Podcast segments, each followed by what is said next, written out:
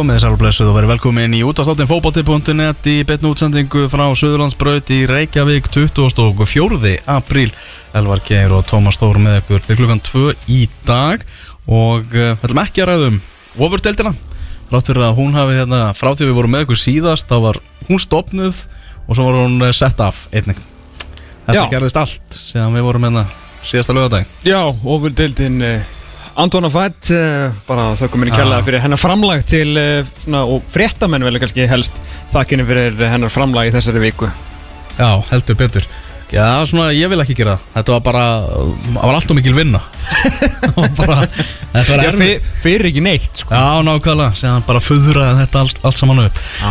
En það er Pepsi Max deildin sem að á hug okkar allan í þessum þætti.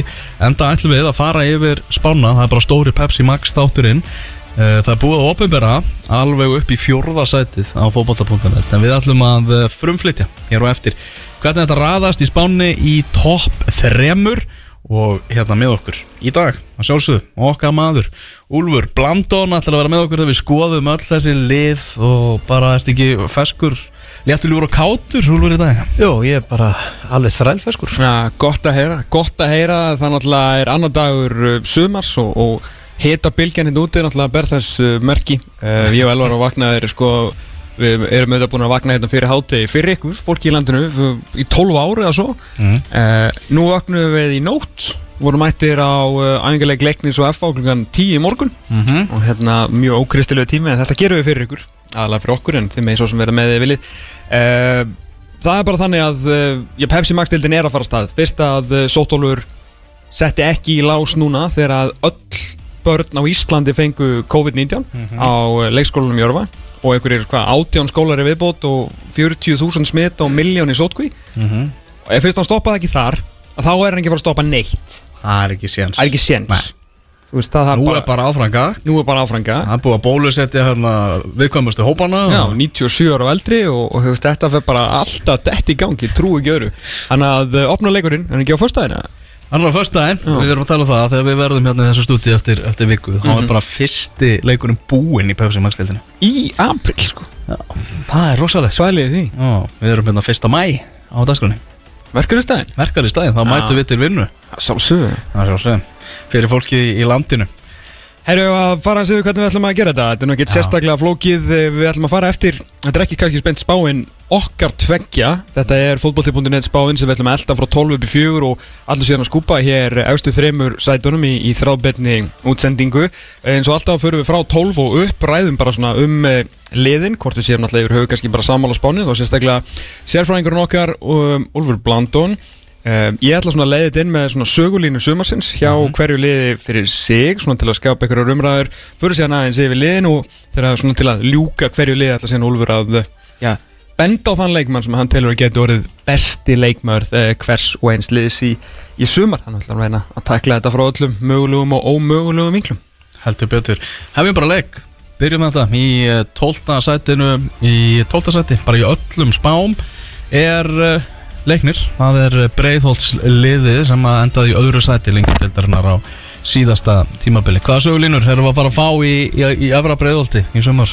Já, það er ímislega sem kemur til greina þannig séðu þetta svona hefur uh, það sem þeir kerðu náðu í kannski já, 15 stig eh, á sínum tíma á var náttúrulega rosalega mikið stemning og allt það sem verður kannski ekki alveg saman núna en sögulína var samt, sko, er samt samba er sandin spurningamerki Já. uh, gengur þessu sögur Ameríku til hennu upp hjá uh, Sigga Höskulds í, í breiðaltinu það er mjög mikilvægt að því að manga Escobar er þetta að koma í stað eina leikmannsins sem að uh, leiknum misti sem er þetta Vukoskar Dimitrievits, sérfnarska blómið þetta leikmaður á, á uh, landinu. Og þetta er svona þetta er high risk, high reward dæmi að hérna, hann er með flott CV og gæti, já ef að manga er það sem að já, pappirinn segir um manga þá gæti það verið leikmaður sem ég þeim heldur þeim upp í dildinni þannig að já, hvort að samba renn út í sandin í breiðoltinu Úlur, hvað segir um leiknismennina?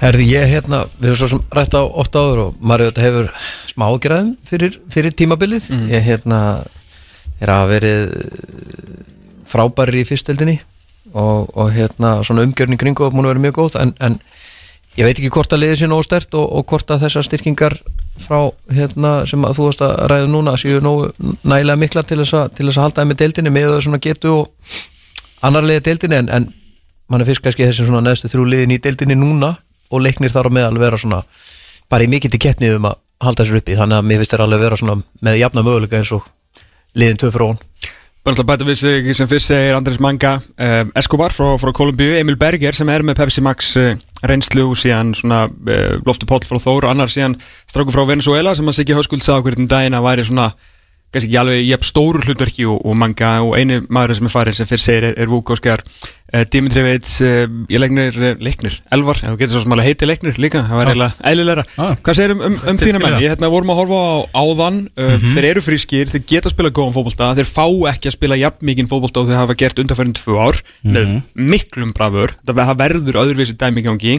Uh, Úlfur hefur minnst á það þegar hann er komið á þeirra að varnarlínan er svona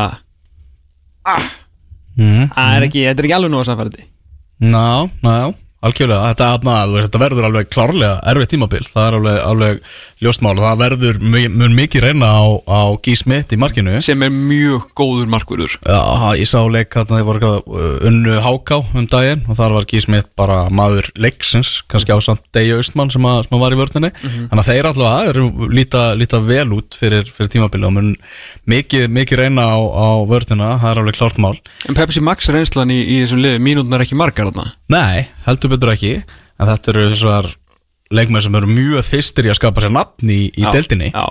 og uh, hæfileikar ekki leikmenn ég menna sjáum eins og Danni Finn sem er svolítið mikið búið að tala um í upphafi mótsinn svona, Mhm. sem er svona mögulegt ungstyrni, það sem að já, Sævar allir er bara orðin það stór profíl að, að Danni Finn sem svona maður sem er ungi leikmaður sem að menn er að tala um að, að, eiga fylgjast með Mhm. náttúrulega með svakalega löp svakalega óknandi í, í föstum leikatriðum líka fyrir, fyrir liði sem að geti reynst guls í gildi. Og þarf að vera svolítið held ég sterkur póstur sko. Og náttúrulega hann var bara að mölbróta slanna upp í, upp í breiðaldi bara rétt á hann sko. Já. hamraði hennum í, í slanna og, og jörðina.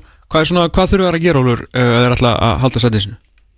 Ég held að þið þurfa að spila betur heldur en eh, Skæn og Geflæk Mm. Það er nummer eitt. Já, Ég hérna ég þurfa- að safna fleiri stigum. Þeir þurfa að satna fleiri stöðum og þeir þurfa að að vinna innbyrðisleikin á mótið þessum lögum Ég held að það sé stóra atrið Ég hérna uh, ofan að það eru þetta bara þurfa að vera mjög skipulaður og, og hérna treyst á að, að, varnalína er að haldi ég held að það sé nummer 1 og 3 þeir þurfa að spila þeir þurfa að spila varnaleik Já, og hérna uh, þeir eru með frábæra margmann og það er, það er einhver blöðum frá þetta og hérna það er spurning hvernig Brynjar Löfur skemur inn í, inn í og Mhm. mikið búin að vera mittur á, á prísisón mikið er, búinn að vera er hann. Já. bara bonafide starter ef hann er heill? já, Hann, hann er bara annar maður inn í meðurinn með Björka ég myndi alltaf það. Ok, ok, skiljanlega Bjarki er svo líka bara uh, fítn hásend, það er ekki þetta að setja út á hann. Mér finnst hann bara búin að taka skrifin fram á því. Ég held að hérna, en þetta það mun mikið mæða á áleiknisliðinu og, og, og menn með þetta reyna að að pressa þá og koma um í vandræði og, og hérna bjóða velkomna í deildina og, ég held að stóra atrið fyrir þá er þetta bara að fara í hvert leik til þess að njóta og hafa gaman og, og hérna passa, passa markið sitt og, og, og klára svo liðin í kringu sig, ég held að það sé uh, stóra atrið fyrir þá. Það sem er alltaf spennandi en jafnframt hættulegt fyrir svona liða eins og leikni er að þú, það þurfa svo margir að taka næsta skref Já. en þó þeir séu hungraðir þá er fjandanum erfið að taka þetta skref sko. Skilur, ef það gengur upp getur orðið bara rosalega gaman sko. en síðan náttúrulega er leiknir ekki búið að tapa neitt rosalega mörgum fótbolltalegjum eftir að Siggi Höskuld smætti sko. og stýra þeim öllum og hvað gerist þegar þú ert farin að liggja þú veist, þú ert farin að verjast þessum bestu liðu landsins í 90 mínútur nána samfleitt sko. þú veist, þá náttúrulega hausinn þarf að vera svolítið sterkur hjá þessum ungum mönnum sko, að þeir eru að fara að spila öðru í fótbolta og þeir eru að fara að tapa fleiri fótboltalegjum leikmaður sem að margir að tala um með manga Escobar þarna sem að já, eina af ástæðanum fyrir það er, er í landinu og er að spila á íslensku deildinu núna er að það búið að smá brasa á honum utan vallar eins og við búið að fjalla þessum í, í fjölmjölum og svona. Og hann er náttúrulega komið núna bara í kólumbíumadur í allt öðru umhverju og búin að tala um það sjálfur að það er enn kaldara heldur en hann bjóst við að yrði fyrst að, þetta er sumar og hann er náttúrulega aðlega snýrið deilt það er svona, það er gamli gangi en, en spennandi gaml myndi ég segja. Já, spurning hvort þið ná að loka hann inni bara? Uh, ég ætla að það er svo sem ekkit ég þarf vantilega bara svona hálft giski að giska á hverju þú ætlar að segja að vera besti mann í þessu liði eða eitthvað. Já, ég held að það sé náttúrulega alveg, alveg ljóst. Eh, Sævar Alli er, er, er, á mínum, er á mínu blaði og hérna er hérna eh, gaman að segja frá því að hann er auðvitað að fara til breyðabliks og er að fara að fá að sanna sig á næsta tímabili og þetta er auðvitað leikmaður sem við erum búin að ræða mikið um og ég er svona sérstakar mætur á, á þessu leikmanni og hlakka ótrúlega mikið til að sjá hann spila í pöpstildinni í, í hérna sumar. Og spurning hvort að sagan verði eins eins og hjá Hilmar Átna þegar hann tók skrifið Já, vonandi bara aðeins betri saga en hann fóði tækifæri elendi sko. Já, mögulega er það, mögulega en, en það. hann verður, að- sko, það er alveg klárt og, og þeir svo sem ekki að heyra það hér fyrst en að, en sko, þakkið þakkið er mjög hátt hjá Sævar alltaf en hann verður aldrei minna en frábær leikmaður í eftir deild um, um ára ræðir, skilur en, en vonandi bara fara Algjörlega. takkið fyrir út í því. Að hann er, það er Martin Bröðsubera Algjörlega. Það skulum við vinda okkur uh, upp í 11. sæti. Og þar eru skyndilega mættir skagamenn uh, búið að vera að taka til í Já, vá, ég var bara með kepla hérna, ég var bara að gleyma þessu Nei, skagamenn eru í 11. sæti og þeir eru náttúrulega Vá. búið að vera að taka til bak við tjöldin hjá þeim í, í fjárhagnum og, og meðal annars hafa þeir fengið einn pening með því að selja leikmenn Erlendis og, og sínlega bestu leikmenn og ég menna með Stefán Teitur og, og Tryggvi Rafnir farnir og er þessi tiltækt að fara að bitna á, á liðinu og gera það verkum að, að jafnvel það bara falli úr efstu deild. Ég með það er bara sögulinu sumarsins hjá skaganum er bara hverjir passa í skóna hjá þessum mönnum. Ég með það er í raun og veru bara verið að segja því fallið af því að þeir tveir eru, eru farnir þannig að hverjir að fara í þessa skó og, og gera eitthvað fyrir þetta skagalið mm. þeir hafa bara ekki litið vel út og, og hérna já, útsendar okkar uh, í frostaskjólinu á, í 75 minúta leiknum. Uh, nýtt á Íslandi í æfingarleikum við spila núna 2.32,5 sem að ég er mjög gaman að. Er ég sá nú aðeins vídeo af Nei, því. Heyrðu, það er 65 Sikk hvað ég leiðist það, ja, 37,5 Er ég sá nú aðeins vídeo af því og hann Þórður Már Gilvason dómari leiksæðins sko það verður bara það verður leikur flautar af í hverju umferð árunni búin ef að, ef að má ekki koma smá hiti og þá er bara blásið af sko Já, það er alveg góð og gild ástæð fyrir því að, að Þórður Már hefur ekki náð lengra heldur en hann hefur náð með fullir vinningu Ljómandi sæmilu og dómari skiluru en, Já. en come on sko. hann ger ekki, sko, hann ger ekki svona tilrun til að svona róa eða ná kontról á leiknum hann bara flautum þetta af bara bara alveg glórulust sko Ég skil ekki Það eða af hverju var ekki úsleituleikur HM 2006 flötaðar af. Ég meina, maðurinn er skallaður í bringuna. Bara flötaði þetta af. Já, Ekki klára leiki Sendi það, senda allir í stúku. Já, ég veist, það var eitthvað smá hiti þarna vissulega og, og menn eitthvað, þú veist, að kýtast en bara, á, þú veist, reyndu allavega að stoppa þetta sko. Já, hann hefði nú líka alveg geta bara róa með niður og, og hérna, beðið í þrjá fjórum mínútur sko. Þeim bara að pústa. Pústa aðeins og, og svo bara, já, já, tala við Þetta er æfingarleikur sko, það er ekkert mál að rölda bara til þjálfarna að spila, veist, getur við fengið eitthvað róið og haldið fram leikin sko? Ömmitt og þó að leikurinn hefði sko færið 15 mínútur fram með það, var enginn að býða sko. Nei, Hérna, já, skagamennir eins og segja, þeir voru bara, þeir voru í, konur í, í fimmana í þessu leik. Já. uh, fimmana vörn uh, eða sem voru að spila 5-4-1 uh, hrikalega slagir, andlausir og getulausir, segir high profile útsendarinn okkar á, á, þessum, á þessum leik. Og ég er búin að tala þrjá sem sá hann leik og þeir voru bara, þeir voru í sjokki með skagalið Ég held að kannski svona helsta vandamáli þeirra, þeir skoruðu fullt af mörgum í fyrra. Og hérna fengu uh, mörkin úr mörgum áttum og sérstaklega frá, kannski frá tveimur leikmennum sem eru farnir. Jú, jú. Þetta var náttúrulega bara eitt af the hottest ticket in town. Þetta var all pure entertainment sko. algjörlega og hérna en í dag er uh, sagan önnur.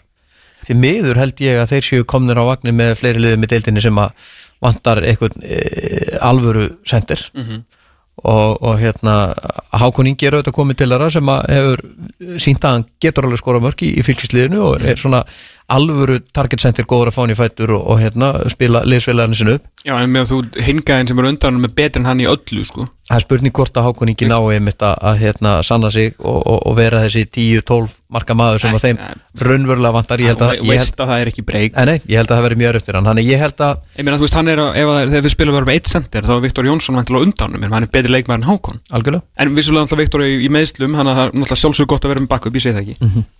Þannig ég er svona, maður veltiði fyrir sig hver á að skora. Viktor hérna skoraði þetta fullt af mörgum í fyrstöldinni og Hákon hefur gert slítið saman en það er engin mörg aðna í pepstöldinni að, að ráði og ég held að þeirra eða ætla að treysta þá að halda markinu hreinu þeir fara valla í gegnum tímulu með að halda bara hreinu og, og gera jættabli, ég held að það sé alveg ljóst. Þannig að ég held að þetta sé alveg raunhæft. Þeir koma til með verið vandræðum, þeir þurfa að ná upp einhverju svakalega manda til þess að til þess að klára þetta verkefni og fá mörg í, í deildinni. Já, en þú veist aftalað svona skagastoltið og, og, og, og gullt blóði í æðum og allt það það þarf að fara bara upp á eitthvað annað level á þessu tímabili Ég sammála því, mér, mér, mér finnst, mér, maður hefur smá ágjör þessu, ég, maður velti fyrir sér akkur var ekki farið aðeins svona já, kannski reynda að taka taka þetta aðeins lengra Mhm. með þau svona fjárhastöðinu sem var virkilega góð og hérna, að fannst maður kannski verkefnið ekki, mann fannst kannski verk, vantar smá ég metnaði að sækja sér leikmenn en auðvitað er markaður þannig að það er ekkit auðvelt að sækja sér sender, það er bara mjög erfitt og það er mjög erfitt að finna sér góðan hafsend eins og mörgliðarlendi, þannig að þetta eru bara, það eru ákveðin vandamáli að sækja leikmenn og, og ég held að skadaliði sé ekkit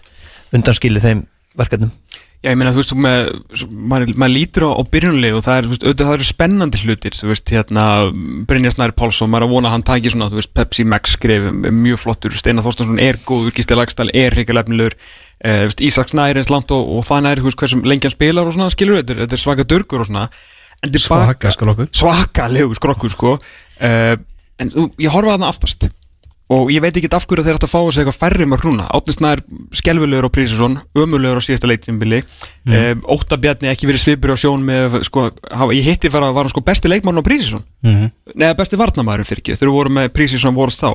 Uh, þessi hérna englendingur er vist uh, ekkert sérstakur. Tamburini en bara þú veist hann er high level inkassoleikmaður fattur en eða lengjudildaleikmaður og stóð Hallur Flosa þarna hæra með sem bara svona þú veist, tröstur, það er ekkit sem að svona kveikir í manni við þessu öftustu fimm hann bara eiginlega langt í frá. En verður jafnvel bara Dino í, í markinu?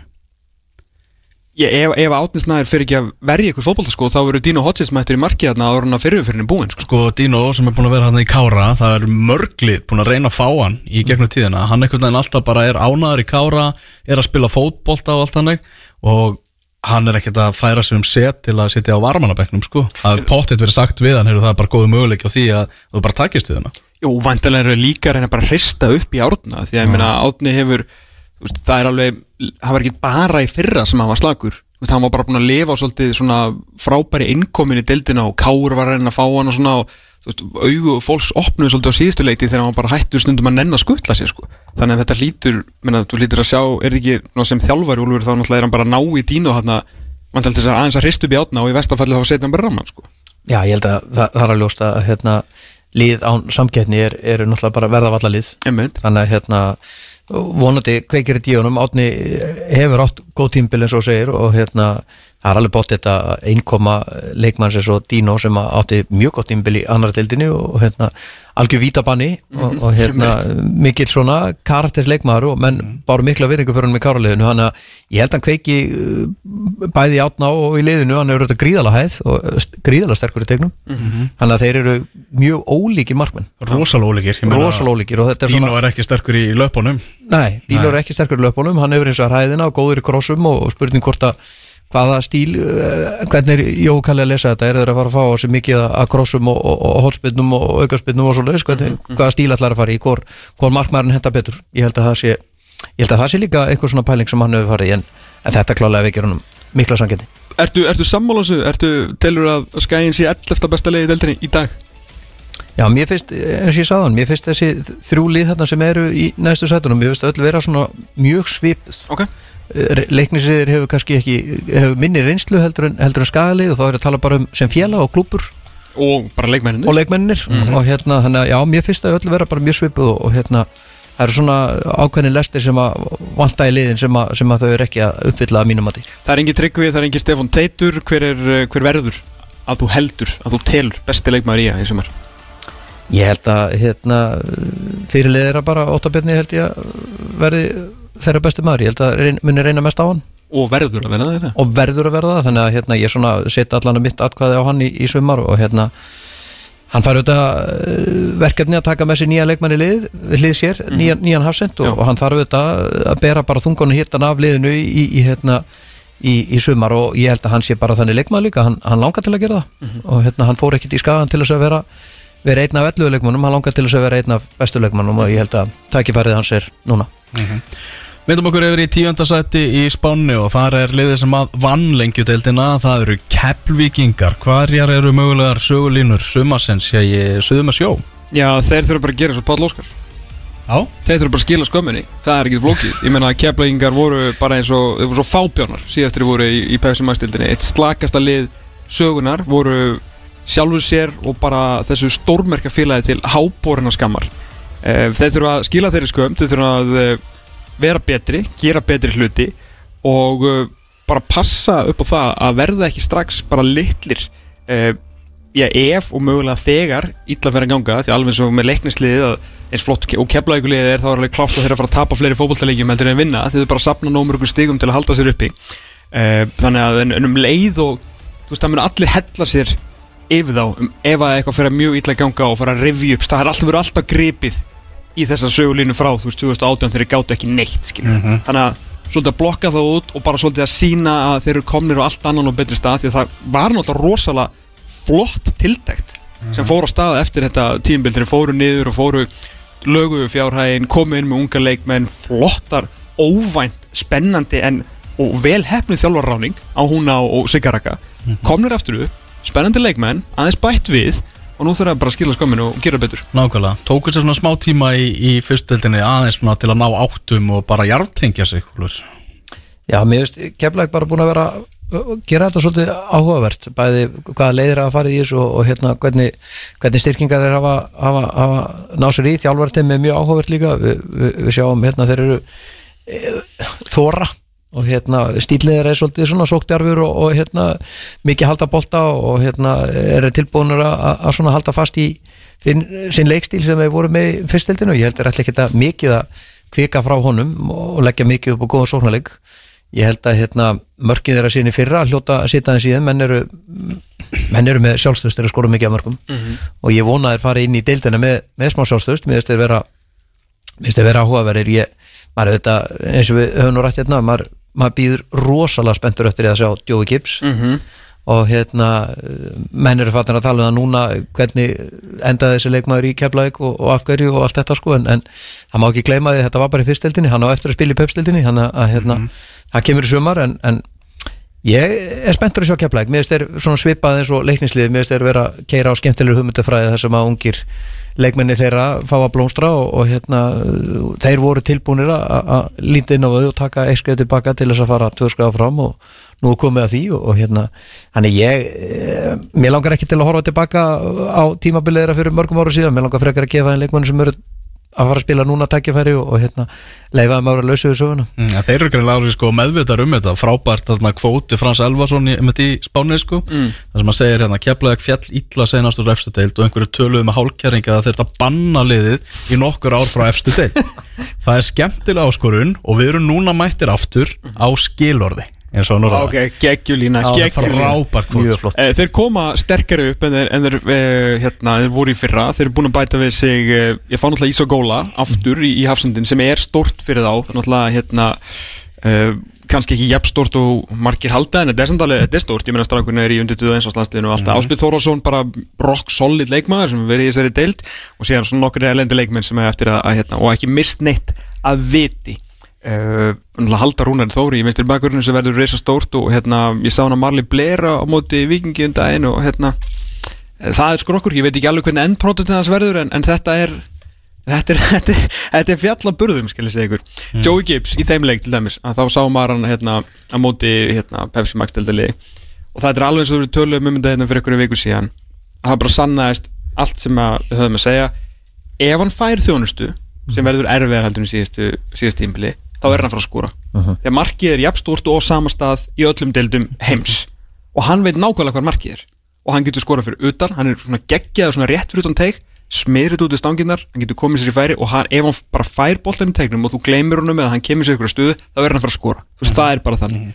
En hversu oft það mun takast til þeim á móti liðin sem eru kannski ekki alveg opn opin og vikingur endilega í þessum leik og önnur lið sem að, þú veist, Joey Gibsur sett hann á móti, það verður held ég stóra, stóra spurningin í þessu sko. Þeir eru auðvitað líka með, með, með Gian Williams sem að, er verið líka mjög áverð að sjá. Mm, spilaði frábælega fyrir og, og hérna er svona leikmaður sem að Joey Gibbs þarf að hafa með sér. Hann getur fundið hann og þeir verast þeir að tengja, tengja vel saman. Hann að hérna ég, já já, maður er bara pínu spenntu fyrir keflæk ég held að þetta er svona maður er einhvern veginn því miður meira spenntu fyrir keflæk heldur en skaganum til dæmis. Mér finnst þeirra svona áhugaverðari pælingar þar uh, einhvern veginn hefur umræðan snúist um, um svona leikskilin og þeir eru svona einhvern veginn tilbúinir að, að spila uh, smá áttu sem mann fótbolta og, og hérna verðast þeir að leggja meira upp á sóknuleiknum þannig að ég er svona maður allan að veita að það er markaskori í liðinu. Já, já, Ég meina, Og- og, meina bæ, bæði, báði nýlegaðnir eru að komast upp skiluru á skemmtilegum sóknarleik Já. en það er ekki svigrum fyrir uh, jafnmikinn sóknarleik í Nei, þessari.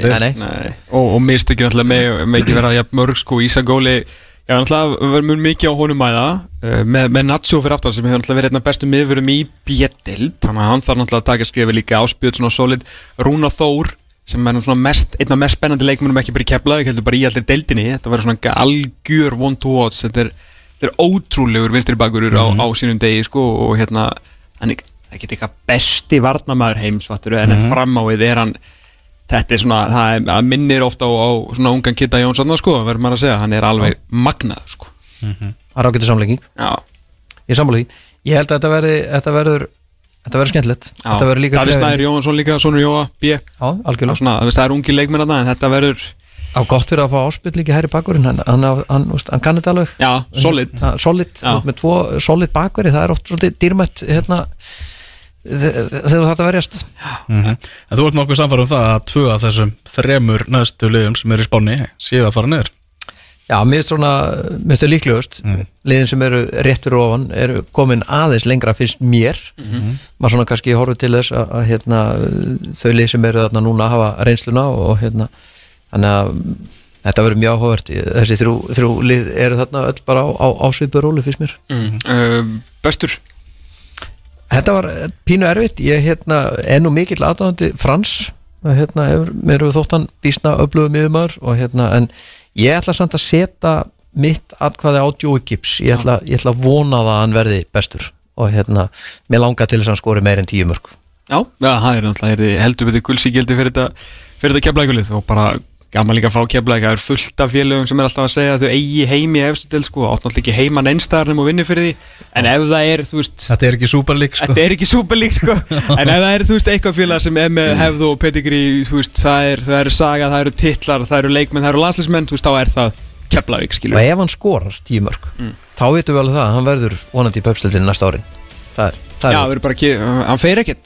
það er, það Já, er það er bara spurning hvort það verður ekki skiptir bara um treyju og já, Já, já, skilur, skilur Ef að taka eitt í viðbjóða, árunum við eh, tökum Tökum- smá pásu það Tökum kaffilé Já, Já, tökum eitt í, í viðbót. Alltaf risa fréttir sem að bárust úr herbúðum Teslis í gær. En árum við förum í þær Þá skulum við skoða hverjar eru mögulega sögulínur Í kórnum í Kópái Háká er spáð nýjönda seti. Það voru svona nokkrar en, en hérna Ég ætla bara að segja svona byðin eftir binnan bolta. Já. BBB Við erum alltaf voru fyrstir svona til að benda á hann. Það er þetta komið mörg ár. Eru kóður og svolítið mörg? Hérna, Það var á, á, á köldum vetradegi í Egilsöllinni hið herrans ár sko 1991 eða eitthvað sem að maður sá strákarnar sem að fór með boltaninn sem að hann var ekki séð neitt marga í Egilsöllinu á þeim tíma og, og hendi hann á Twitter hérna, binni bolti. Um, ókvænlega góður í fótbolta en- ég var nú í hérna hjá doktornum um daginn. Mm Mhm. það sem að Hjörvar Hafleðarsson uh, sem að segist hágöngur uh, náttúrulega. Jú, jú, er það svo sem. Uh, VIP hágöngur náttúrulega. Elskar vippið þarna. Frábært við Frá, frábært viðbrendar sko, það má ekki glemma því. Herðu, hann, allan að, hann kallar bara til því að hann verði ekki bara besti leikmann í Háka, heldur besti leikmann í deildinni. Þannig að fyrst að uh, Hákaðingu nummer eitt uh, vill fá að binna sem besta leikmann þá vonast ég bara eftir að byðin eftir binna henni sé bara lokið. Mhm. að hann verði bara það sem við erum að býða eftir öllu þessi ár sko. Maður sér leiki og leiki Það sem hann er bara óstöðandi Óstöðandi Algjörlega óstöðandi En þeir þurfa að vera ennþá fleiri. Já, og bara miklu, miklu stöður sko. Ég held að hérna ef ég maður rétt að þá rættum við þetta líka í, síðasta þetti og, og hérna þetta er umræða sem er tekin uh, Árlega. árlega og við mörg er kaffiborðin og mikið, nei, nei og hérna, það er auðvitað hans að, að, að hérna, sanna það að, að hann sé hann er svona búin að fara í val og, og hérna, reyndi og hérna, menn eru alltaf að býða eftir því að hann gera eitthvað. Nú er, held ég að það sé aðeins búið að létta pressuna á honum með að það valgið sé að koma tilbaka. Þannig að hérna, það er annað sem að fær öruglega aðta aðteklinni við næsta sumar, hann, ég held hann að við það verður aðeins þægilegra fyrir hann núna verandi ekki með alla pressun á sér út af því ég held að Valgir taki svona sp- spennuna og stemninguna og, og hérna sviðsljósið í ljósið þess að hann var að koma aftur til að háka þannig að að þetta sé Þetta er náttúrulega alveg, alveg hjúts í raun og veru því að Praise. farnilistin með, með valgir breyta svo svakilega menn þeir missa engan í raun og veru sem skipta ykkur máli menn að þótt og þóttni bara farin eftir heim Hörður Átnarsson hættur aftur, uh, veist, Alessandr Freyr Sindrason hann kannski ekki alveg, ennlega ekki Pepsi Max meðurur uh, fá Birki Val aftur heim bara, einna, bara frábæran bakvörð. Uh, Örvar Eggertsson til að koma og hlaupa sér lifur og lungu síðustu 15, þú veist, 10-15 mínúndar kannski skiptir ekki öllu máli en svo bara bæng, þetta komið Valgir Valgersson þá bara komið Valgir og binna á sikvara kantinn til þess að breyka á lið Og líka varnalína þeirra líka bara Nei, og, lítur- og náttúrulega fengur Ráseberg aftur sko. Akkurat, það er að sjálf að segja. Martin Rásberg, sko, varnalínan hjá HK er svo staðan í dag með, með Arna Freyr í markinu fyrir aftan, finnst mér bara að vera ansi skemmtileg. Birki Valur góður. Ráseberg er einn af bestu meðurinn deildarna sérstaklega eins og Háká spilar. Hún Algjörlega. líður rosalega vel á tegnum Leifur hjartaði liðinu. Nákvæmlega. Og svo Ívar Rödd bara frábær vinstri bakur gerist ekkit mikið betri í þessari deil þannig að hérna, mér finnst þetta að vera alveg ótrúlega skemmtileg og spennandi varnalína og ég held að það má alveg hrósa hérna, Brynjari fyrir frábært recruitment. Og í rauninu bara háká hérna, afsakið að vera sletta önsku en, en bara svona hvernig að sækja sér leikmenn og, og hérna ég held að hann fá alveg A++ fyrir það. Mér finnst hann búin að vera að gera þetta ótrúlega vel og menn greinilega áfjáður í að spila fyrir hann og hérna mér finnst það svona að gefa góð fyrir um að um að hérna, liðið sé og, og félagið í heild sé og réttir lið þegar, Mhm. þegar flottir og, og, og áhugaveri leikmenn vilja, vilja spila fyrir þig. Þannig að mér finnst, mér finnst þeir fá, þeir fá hæstu einhvern fyrir, fyrir hérna rekrúment, sletta aðtur Já, og líka bara, líka bara stöðuleiki er, er náttúrulega svo, hefur svo svakalög. Þeir eru að mæta núna ár eftir ár eftir ár. Um, eh, eiginlega sama lið, þú veist við þekkjum alla kallana, er náttúrulega bara Martin Ráseberg er nýrfráður kom upp um, og Birnir Snær skilur en, en þú veist annað bara basically búið að vera þarna frá þeir, frá þeir mættu. Eins og segir, Vardalínan flott. Setjum með Áskir Börk sem að það kannski verið aftur þú veist, kannski 2019 útgáfan. En hann veist alveg góður í fyrra en hann var alveg supreme hann árið árið undan. Alli Arnason eitthvað svona, hvað var að segja bara svona mest, svona lúmskasta stjarnan í þessari deilt Já, að bara, að, þú veist, hann alltaf er ekkert lengur þú veist, að vita allir sem fylgjast með þessari deilt hversu góður hann er og tók bara suma kannski aðeins lengri tíma að fatta hann er svolítið lýsandi eða svolítið fyrir þetta hákálið þú veist, Já, það er einmitt. það er ekkert verið að gera þetta með einhverjum flugvældasýningum Nei, út á við sko, nei, bara einhvern veginn inn á vellinu bara skynsemi og, og vel sko. En þú veist, við erum alltaf að segja það sama um HK Já. sem er rosalega gott að það er rosalega mikið stöðuleiki svo er það bara alltaf að bæta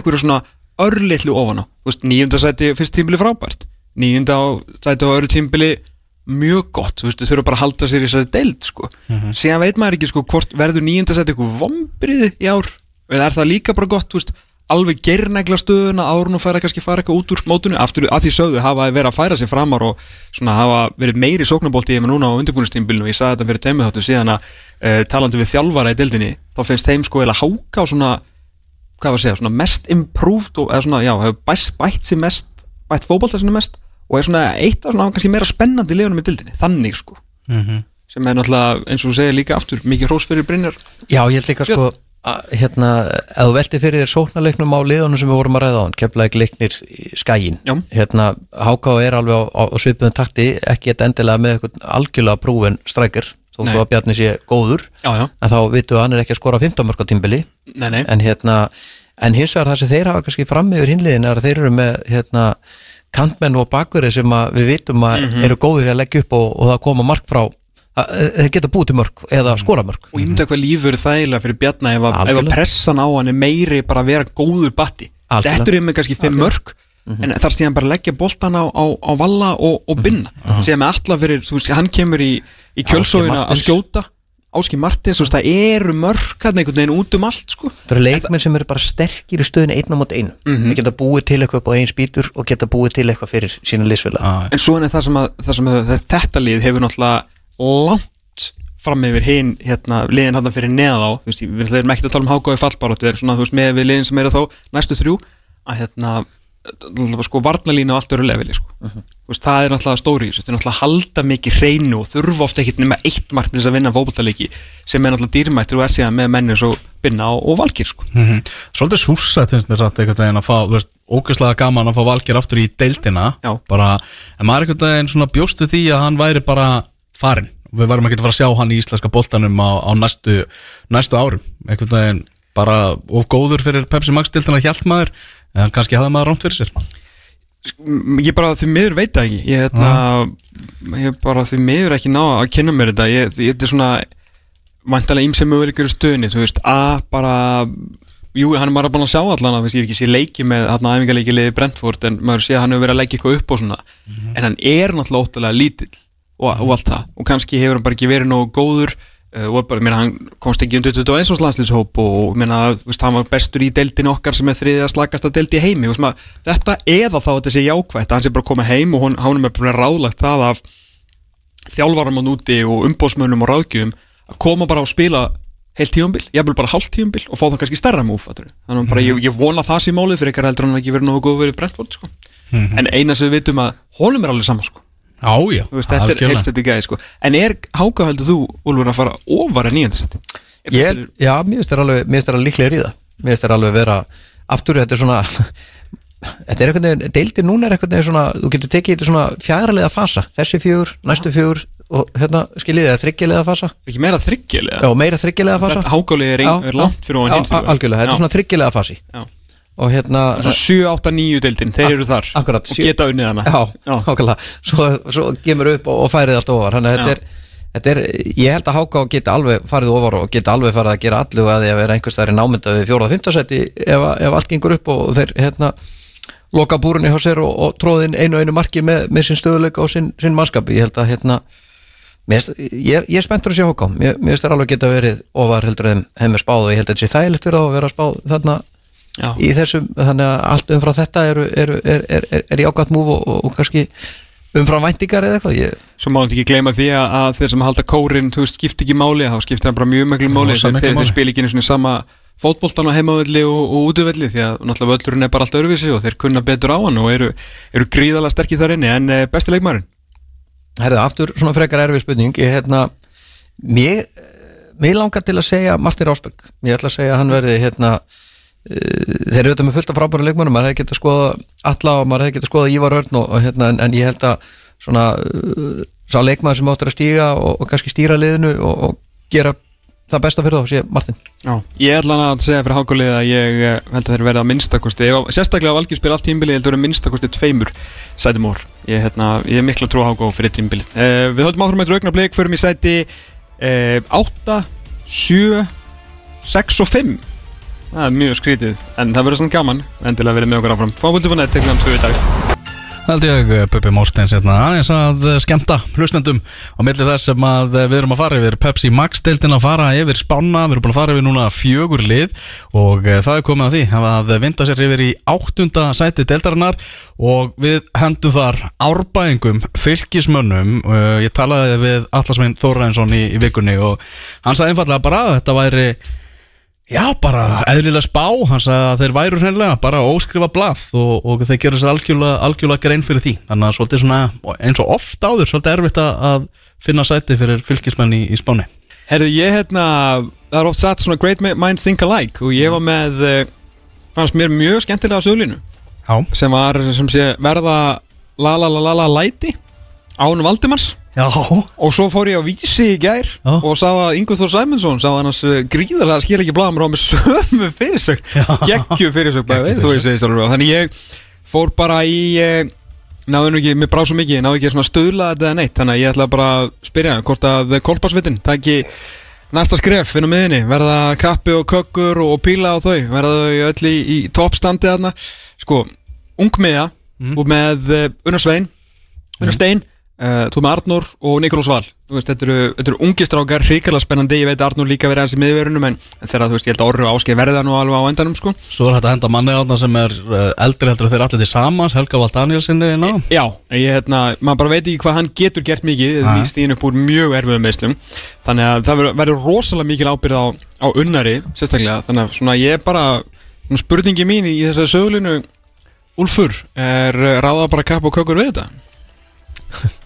Góð spurning hérna, Ég held að fylgir allan eins og það að vera að spila á undirbúrstímulu þá geta það verið mjög erfiðir þið finna taktin í að liggja og, hérna, sækja hratt, eru gríðalega fljótið fram að þið Sóknarlina þeirra er ansi skemmtileg þrátt fyrir að vera búin að missa einna sínum já, sennilega bara sín langt besta mann og einna betri mönnu deildarinnar.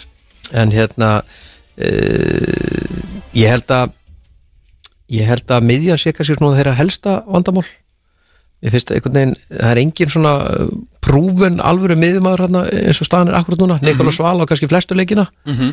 uh, þannig að unna steinir auðvitað koma úr, úr fyrstu dildinni og, og hérna hefur, hefur ekki, ekki sanna sig ennþá, Arnó Gauti hefur náttúrulega ekkert verið að spila mikið miðju en hefur verið að spila miðjuna núna undirbúrstímbulinu Hversu góður er Unnarsteinn?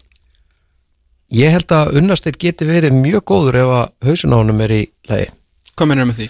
Já, ég held að, ég held að negi, hérna, eh, hann, á, hann, á, hann á langt í land og hérna, ég held að hann þurfi að, að skoða, skoða sína, sína svona, uh, hann þarf eitthvað að fara í einhver smá svona hugfarsbreytingu varandi nálgununa sína á, á fótbolta og æfingar svona með það sem maður heyrt og, og séð.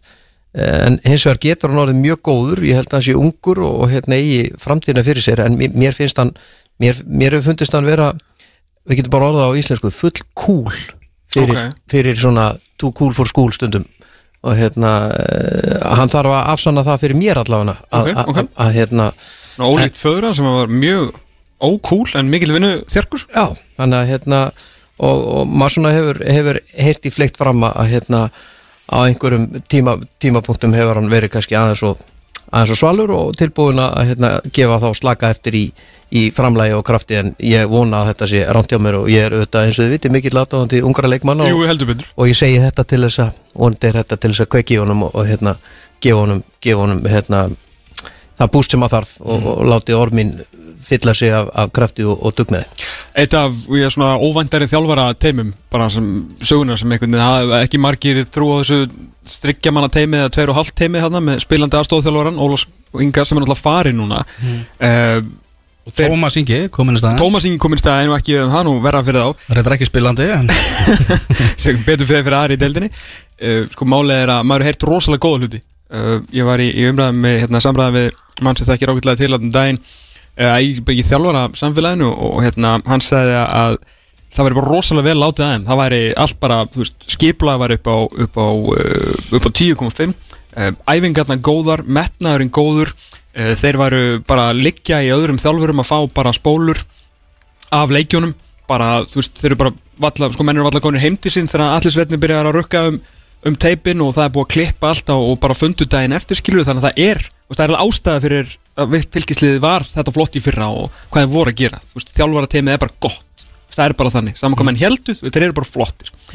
Orkustíðið hátt, eins og sáum fyrra og maður, maður horfir þarna framlínuna ég þekki náttúrulega frammeir en ekkert en með Jair sem á bara eftir að vera betri eh, Þórður Gunnar sem að ég mikill aðdáðand af, ég bara eitthvað mesti orkuboltin í dildinni, svo kannski svona með Valkyri Valkys eða eitthvað og svo leikmur sem ég er einna mest spenntastu fyrir þess að dild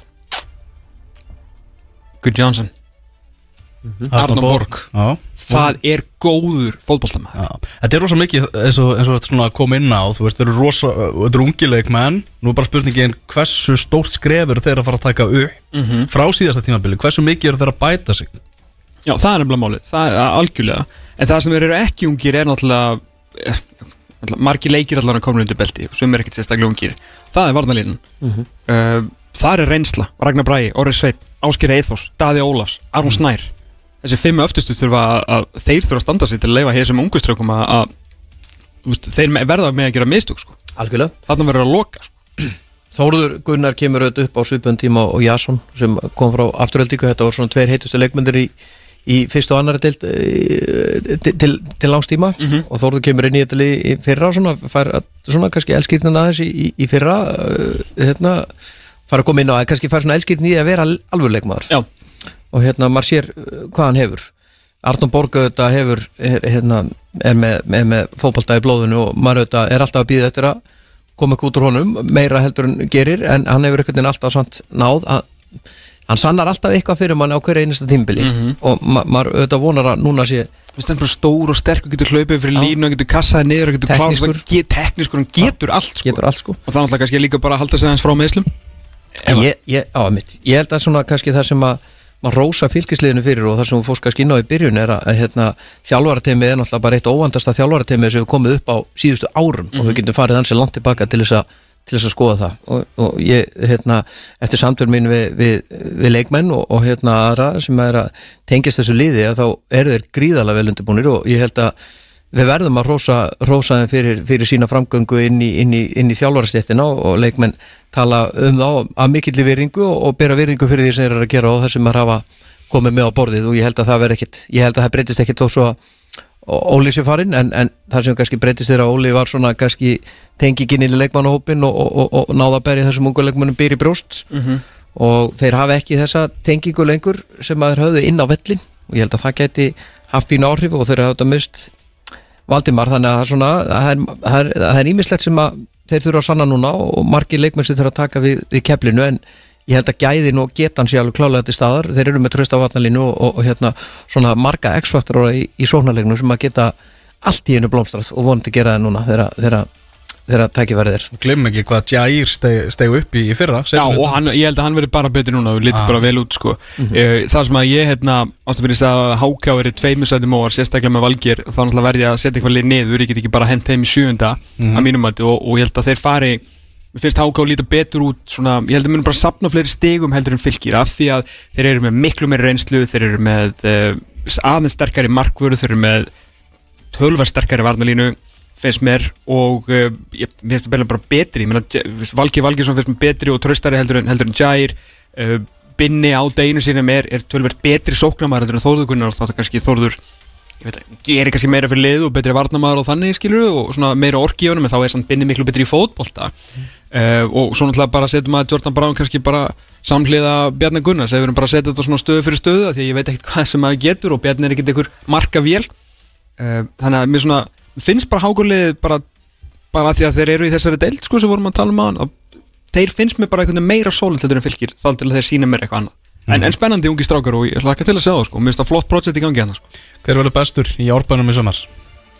Herðu, ég held að hérna maður hefur auðvitað maður hefur trú á mörgu leikmenn ég held að hérna, það sem maður kannski tekur, tekur kepli núna og þarf að vera með það er, er myndi ég segja Ásker Eithórsson Já. ég held að hans er leikmaður sem maður þarf að svolítið bera þungan og hittan á því að- að tímabili gangi eftir og, og hérna er auðvitað búin að rísa undir þeirri ábyrð sem hefur áður verið sett Mm -hmm. á undanföldum tímabölum Skoraði mikilvæg mörg síðan á síðast tímabili líka algjörlega mm. og eru auðvitað appisinu gulur í gegn og hérna alveg svo Ragnar Bræði og, og, og, já, Orri og Daði, þetta er alltaf auðvitað bara fylgismenn og, og, og, og skemmtilegt að fáið mitt lið sem er bara með uppálda leikmenn innan sinna raða og byggir þetta upp á því og þeir hafa verið að keira á því konsepti og er svona kannski fyrirmynd fyrir, fyrir leikni og, keflaði hvernig það er hægt að byggja þetta upp innanfrá? Það er allt, það er allt hægt ef viljinu fyrir endi Nákvæmlega Atlisveit kom nú til okkar bara fyrir ári síðan. Og þá var hann einmitt að tala um þetta þú veist, að halda í fylgiskildin sem eru til staðar og bæta svo nofa, síðan ofan á það. Og það hefur bara verið á góðri leiði hann mjög góður lið. Og, og markaðurinn bara, þú veist, fýtt ég meina, Andris Már var hættur að að gera eitthvað fyrir á Arnón Darri og varamartmaður Arnón Sveit var náttúrulega bara svona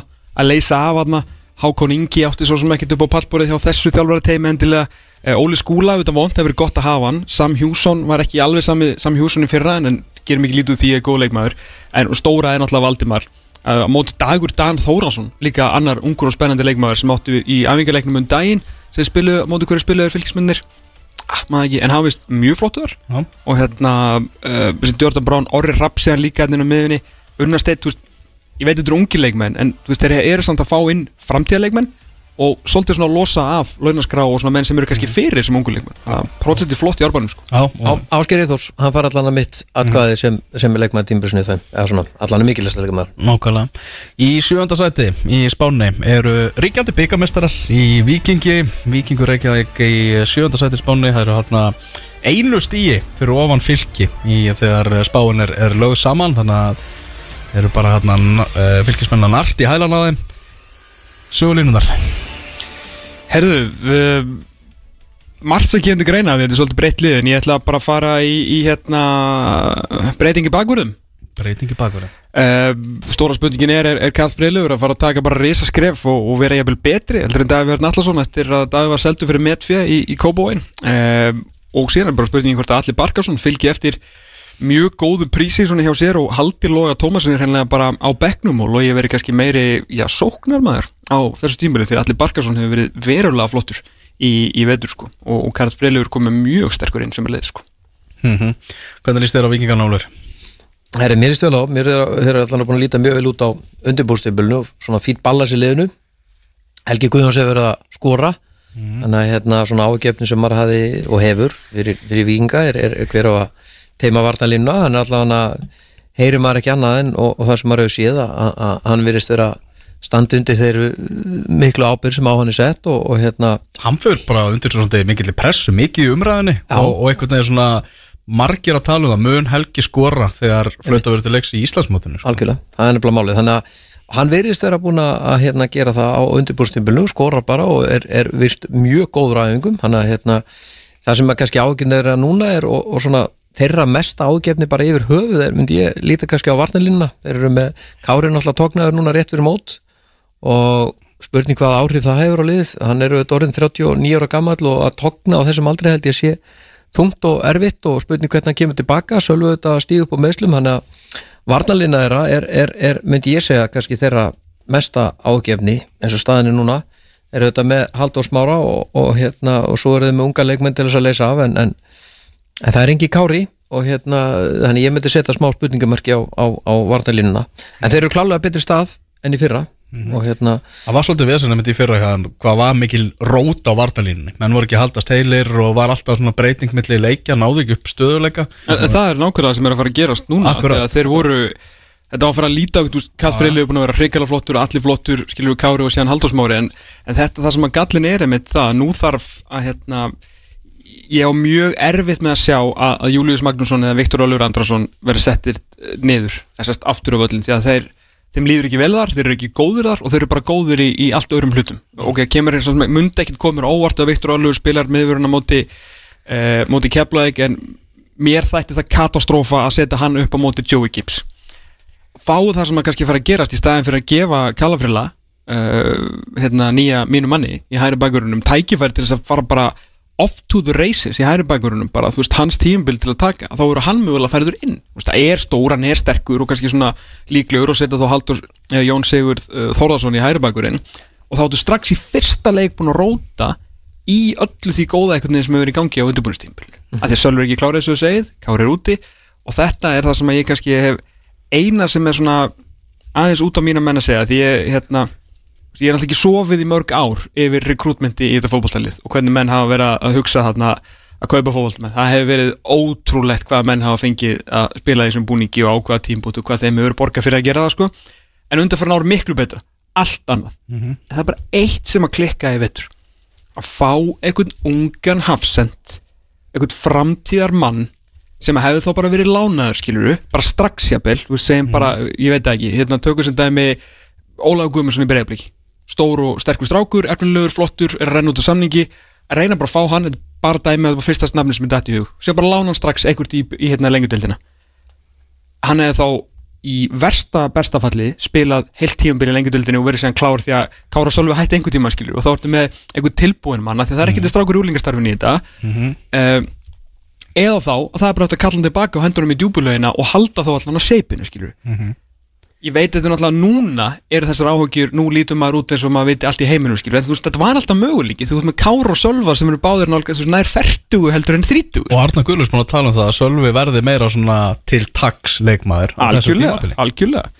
Þannig að já, ég hérna þarna, þetta, ég vona að þeir, þetta verði ekki of slæmt út af, út af þessu öllu saman því að það er annars er margt annars gott að gerast í þessu fótballtalið sko. Kristall Máni, raðar í mörgum, flottur hérna framan á vellinum Já, það eru vísbendingur á það að við fáum alltaf aðra útgáfi af Kristalmána heldur en á síðasta tímabili já, það er alveg, alveg klárt mál sko. það er alveg, alveg klárt mál að, hérna, það er líka ekki að spila sína stöðu núna Já. það er svona mununa, en ég held að svona ágefni vikinga og, og, og Markvæslan já, er allan ágefnir myndi segja, er bara breytin er ekki nægilega mikil og hérna, þeir eru með gott byrjunlið en þeir eru bæði brótættir í varnarlega og sóknarlega og geta, þurfa að treysta á sendir sem að hefur ekki skorað mikið af mörgum í pestildinni og þurfa að treysta á varnarlinu sem, sem er mjög brótætt og, og hérna, menn eru konir til árásina og eru fljóttur dett út og eins og fyrir kára að tókna núna rétt fyrir mót er auðvitað bara mjög slæmt og tóknanir geta bara verið mjög slæmar. Þú ert komin, komin svona á efri árin í boltanum. Mm, og þrálátt ekki spurning, hver eru bestur, Úlfur?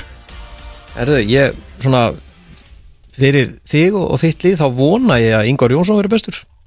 Og hérna, hann átti ekkit sérstaklega gott tímabili fyrra en, en hérna, en hann er einn af þessu leikmenn sem þarf klálega að stígu upp og, og, og þarf að gefa gefa svona kritikinni langt nef en, en ég ætla að segja að, ég ætla að segja að hérna, Pablo Punjat verði bestu fyrir, fyrir vikinga á þessu tímbili ég ætla að vona að vera yngvar fyrir vikinga og þeir þurfa sannlega á honum að halda verandi með svona freka brotandi varnalur Já, það var til dæmis annað svona mús ég skildi ekki alveg ég veit ekki hvers, þú veist, þá fattur en, en ég hafi rámt fyrir mér þar því að ég náttúrulega veit ekki hversu oft ég hef lagt hérna sem hraðbóngi peninga inn á káringana þegar þeir hafa sendt mér einhverja, einhverja gamla kalla sko en stundum höfum það líka fengið draumasendingar eins og dofra Mhm. eh, en eftir að hafa séð þetta ég, ég fatti þetta alveg núna, þú veist, hann kemur inn með reynslu hann er ógeðslega góður, hann er Hann var bara eitt besti leikmaður Káur á síðasta Ég veit það, tímabili. og þannig. vita allir að það eru mörk í Pablo Já, Búniðet og Arnar hefur sagt það sjálfur hann er ekki í einhverju sexuhlutverki hann er bara 8,5 jafnvel 10 og hann á bara að vera í skotstöðum og á bara að freta á helvitis markið sko. En hvernig kemur hvað með ký? Herru, góð spurning ég er bara, bara mjög góð spurning við þurfum svo sannlega hann um að halda sko. Já, það þarf að koma honum einhvern veginn til landsins. Með, Sama með hvað hætti það verið gert. Eh, með loftbelg. Loftberg Erum vindum okkur í sjötta sætið. Og þetta er þreyttir á því að vera alltaf í sjötta sætið í spánu hjá okkur. Það eru stjörnumenn í Garðabæ Sem er hann rétt fyrir ofan miðju strikki og, og við fengum skot frá Silfurskiðinni Já Já, ég, er svo ánægð með silfurskeiðina. Það er einhvern veginn sama hvað kvarnast úr stúkunni það mm -hmm. þá hérna síndu, þeir síndu á síðustu leiti þeir mættu hérna á pramman alltaf og það er nú líf í silfurskeiðinni. Já, jú, þetta, er bara, þetta er ennþá besta stuðnismannasveit landsins. Já, eiginlega bæja mæl Já, sko. já. En það er líka þessi derringur í þeim á samfélagsmið Já, Djúvel sig kann að meta hann Og hann er búin að vera svo stöðugur og í svo mörg ár Og þetta er svo mikið pjúra derringur og stolt fyrir sínum klúpi Ég elska þetta sko. Mm Djúvel er þessari Það var eitthvað hérna Hvað var ekki enn og aftur sjötta sæti? Og líka gegja nagreina spámennina. Hvað átti að fara að mótmála bara eins og súper líka Ég var ánægð með þetta. Djúvel er að fá til maður. Algjörlega. Hvernig, hvernig líst þér á þess að spá, Úlfur? ég held að stjarnan fyrir mér er svona spurningamerki. Hérna, Það hefur ekki séð þá? Það hefur engi séð á og veit engi hvað er að gera og hvað er búin að vera að gera og mikið af breytingu sem, sem að hérna, skama, búin að missa fullt af leikmennu samanskatti fengi líka góða leikmenn tilbaka komist langt í lengjunni þannig að, að hérna, og svo er ekki tekið þátt í fókbaltum.net og komist langt í lengjunni og, Já, hérna, voru konur undan og slitt Reyndar ekki í kannski sterkasta riðlunum þar en, en Nei, nei, kláruðu, kláruðu það samt. En sko, fyrir mína parta, ég er búin að sjá, sjá það spila eitt leik núna og, og þetta er bara sama plan og undanfæran ár. Þeir hafa náð flottum árangri með þessari leikfræði og hérna, það kemur yfirlt mikið út úr í en, en, en núna eru þau konum með hvað, Óla Karl og, og hérna, mér held að svona Óla Karl og Sölvi Snær séu kannski leikmenni sem maður þarf að horfa til núna að þurfa að taka kindilinn og, og, og bera liðið uppi og, og hérna er klálega ætlað stórt hlutverk ásand auðvitað Hilmari. mm. Mér svona kannski stóra spurningin er, er hérna hvernig kemur eina Karl inn í lið og ég hlakka mikið til að sjá, sjá hann og svo er auðvitað líka spennandi að sjá Þorvaldu og Rúnar og ég held að svona þeirra, þeirra eh, hugmyndafræði rýmar betur og, og svona samvinna heldur en, en hugmyndafræði forverðans, Óla þannig að hérna, Þeir, þeir unnu val í gær, uh, þrjú Unnu Val í tvö, gær. valsmenninir uh, hérna, komið kannski betur á þeim og eftir en sigurinn var sangjarn uh, bara hérna, því mér komst ekki á hann leik, mér langaði rosalega að fara á hann, þetta er auðvitað náttúrulega frægi leikurinn sem að Rúnar hann stakk undan uh, Óskar Hrafni, það bókaði hann svona þegar hann var hérna í, í Solva Snæs fílinu sem að, þetta er svona, þetta verður ekki íslenskara. Mm. mjög ánægði með þetta. Hérna, uh, stjarnan, þetta er sem sagt skýslan frá uh, okkar high profile, uh, high end scout, stjarnan voru stjarnan skipulag og hard work, mjög sangjart sigur á valsmunum, Emil Atlasson og Einar Karl gríðarlega ferskir og nýji Danin á miðunni sumulegis já, ég held að stjarnar sé líka svona lið því langar ekkert að setja á því sjötta seti. Þú veist alveg að þeir geta, geta hælega lendi í öðru, þeir geta hælega lendi í þriðja og þeir geta líka alveg poppa nýri í fymta en hugmyndafræðin og, og svona leikfræðin hjá þeim er svo sama og hefur bara virkað þannig að hérna, þetta er eiginlega bara spurningu um það hversu hversu mikið mörgfáður uh, frá sínum sóknamönnum og hérna, það, það, er engin, engin launningu það að liðir er feikilega gott og, og svona ríkrútið mentið í árið hefur ekkert verið slagtaði bara verið frekar gott. Þannig að Um, Einar Karl kemur þetta inn fyrir Alex, uh, náttúrulega Magnús Anbó þeir hafa ekki verið að detti lukkupóllin með hérna, ellendaleikmenn svona undafærið eftir að hafa verið með svona 90% hit rate á, á tíma með Henrik, Henrik Böttger. Uh, Óli Kalli kemur tilbaka og Óskar Borg var upp í stúku. Uh, hérna englendingurinn Haldur Orri var upp í stúku og uh, einn til, og Þorsteinn Már og veist upp í stúku líka í gær sko. Uh, og svo er það bara menn hættið þannig að aðeins búið að reynsa til. Að reynsa til. Og þeir tóku sko síðustu 20 mínúnar bara með kvolparsveitinni, við vorum með 2 hérna 2003 mótel og 2 2004 mótel inna og þeir komu bara feikilega sprækir inn í, í lokakablan og, og, og meðal skópa hérna þriðja markið og Emil Atlasson var vist líka bara hörku flottur líka bara varnarlega í föstum leikadröðum uh, stjórnulegði svolítið búið að vera eins og segið í, í, í felum og bara myndavelarnar eiginlega bara bannaðar á, á vellinum. En það er, það er gorgir í þeim og, og Rúnar Páll sagði það bara sjálfur við ætlum að berjast um titla í Garðabænum, það er bara alltaf pressan Sölviki Rottisen er í uh, byrjunlegi viking sem móti Háká sem var að fara á stað núna á, á Spitjó, aðeins 5 eurur ræðum aðeins um nafnar Sölva Snæði Guðbergarsson Já, uh, svona búin að vera vonastjarna stjórnumanna þó nokkuð lengi. Er að renna út á samning blikar tilkynna það að, að þeir ætla að ræða við hann og, og funda með honum. Uh, svo er ég að heyra það að hann er tengda svonur Rúnars Páls ofan á allt saman, bara til að gera þetta ennþá dramatískara, allt saman þetta mál. Svo er lið sem alltaf þól ekki hvort annað eða félög. Já, nákvæmlega og, og þessi, þessum æfingaleg þeirra á milli cancelað og, og, og það sölver ekkert í svona alltaf svona skemmtilegri stöðu kannski Nei, og ónótaður varamæður í gæri síðast aðvingarleik fyrir mót sko, leikmaður sem að já, maður hefði haldið og ætla að myndi fá hérna, einhver tækifæri að viti sko. sko Pepsi Max deildin, eitt af því sem að fylgir þessar deild er, þú veist það er passion í þessu, það er dramatík og alls konar svona dæmi bak við tjöldin. Og nú erum við bara nokkra, nokkra dögum fyrir mót. Þá eru viðregnir stjörnunar og breyðabliks í sumar, orðan miklu áhugaverðri The Solvi Snær Darby eins og hann keiti núna. Nákvæmlega. Og, og einni Káir og Ía sko Já, sem er náttúrulega löngu búið að nefna að kría þannig að það þarf ekki að svona pælið því sko. bara Guð blessi dómaran sem að dæmi, dæmi viðregni þessara liða sko. Já, ég vil fá hérna Þór Má á þetta aftur. Já, það væri það spila 237 halva Það er skemmtilegt fyrir okkur hlutlösu Já, algjörlega, algjörlega. Já, ég meina sögulínan fyrir, fyrir stjórnuna var bara hvað, hvað er stjarnan í dag, skilur við og þeir verðast vantilega að vera bara mjög svipaðir nema núna með kannski aðeins svona ferskara lið Já, ég, mér finnst það, mér finnst þannig að hérna, ég held að Óli Kalli komi líka inn í liði núna, hann átti gott tímabil með, með FA fyrra, hann var bara góðu fyrir það og var svona X-faktor fyrir það, ef hann á að vera strækjar fyrir, fyrir stjórnuna í ár, þá Ég held að það ætla bara treysta á Emil Allarsson sko. Já, ég- Emil var bara fínn í fyrra og, og henda þeirra leikstíl frábælega og algjörlega, eiga það Óla Kalla hvort sem er í, í tíunni eða bara hreinlega að koma inn á sko. já, já, eða, eða vangnum eða hvað sem hann á að spila, Ég hef alveg smá trú á, á stjórnunu og held að þeir geti hérna gert gott mót og ég er auðvitað mikill átáðandi sjálfa, mér finnst það virkilega spennandi unga leikmaður og hefur svona hvað, byrja á, á sem fyrsta leikartan 2017 og það eru fjögur á síðan og hann er búin að þróskast og bæta sig og er orðin svona mikilvæga leikmaður í liðinu og önnu liðu farin að bera viðnar í hann og, og, og hérna það hefur nú gengi ágætlega að, að rekrúta hann í, í, í kópáinum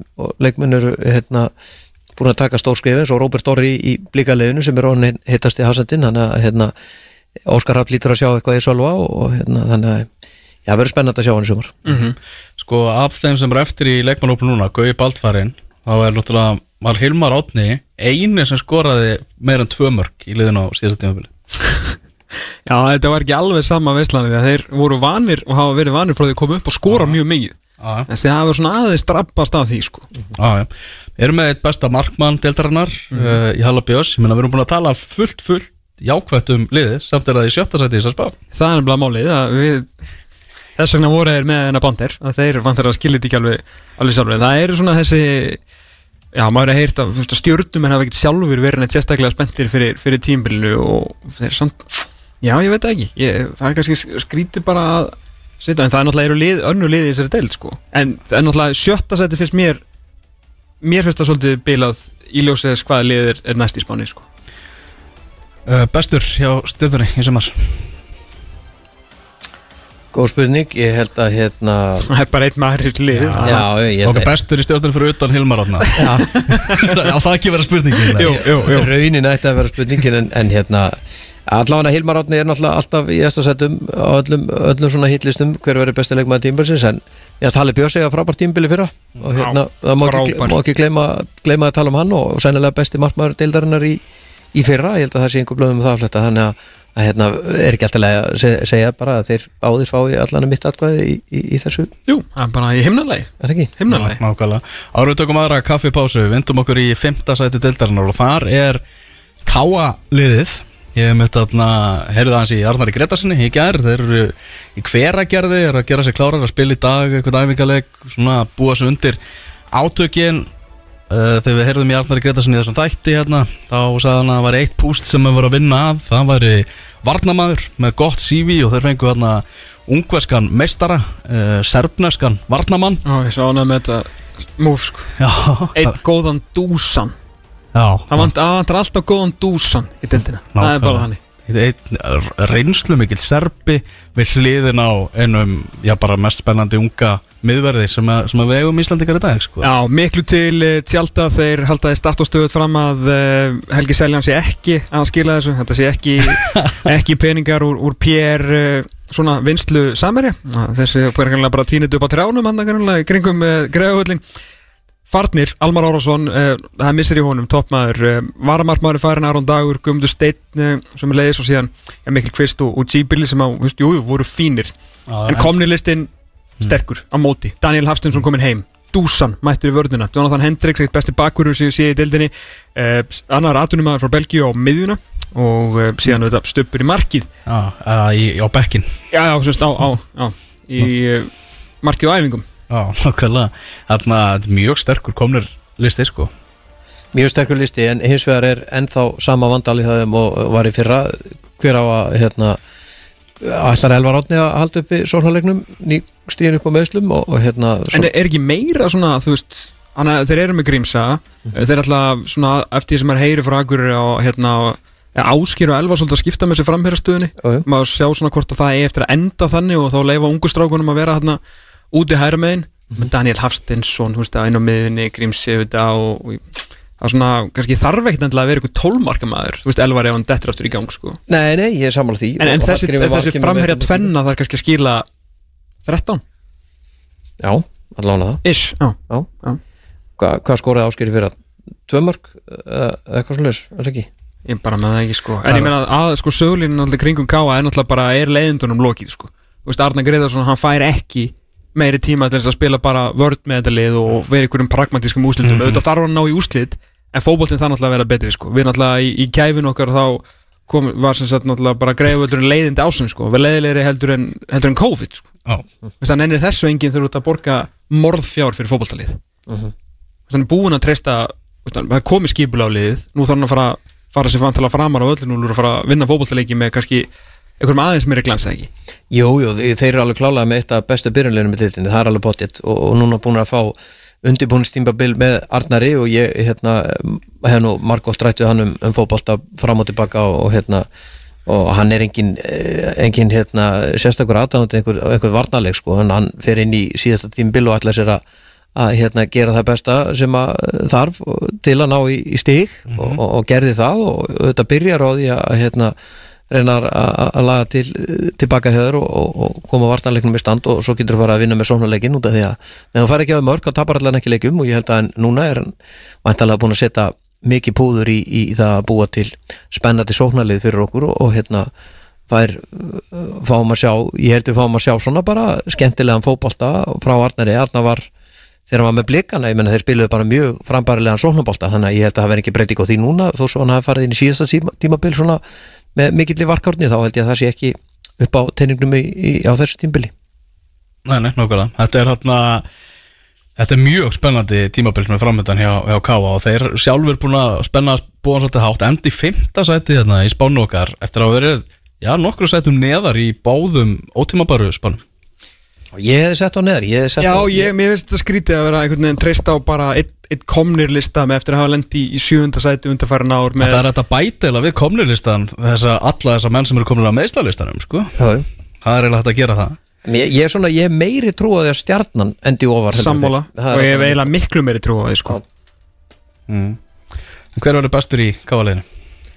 Já, hver verður bestur í kálinu? Ég held að hérna, maður langar auðvitað að- að að- maður langar að segja að kannski Elvar Átni geti fengið þetta en allir ég, ég ætla að setja bara Áskir Sigurgjörsson, ég held að hann mér, mér finnst hann vera bestileikmarin í kálinu og hérna, ég er, mikill aðdándi leikinn og, stórhættulegur og kröftugur leikmaður og hérna, með góðan fót og með fullt af mörgum í sér þó hann ekki skora mikið fyrra, hann skoraði einhver tíu mörg hérna 2018-19 eitthvað svo leiðis og, og hérna þannig að eh, ég ætla að segja að Áskei Sigurgjörsson verði besti leikmaður gáða á þess tímbili Svo er alltaf alltaf þessi eilíðar umræði meina völl. Paldi að vera búin að eyða þessum fjármunum í þetta fótboltalið? Þessi metnaður sem að er í, í, í eh, Sæfari Péturssoni og, og mönnum sem að standa þarna baki.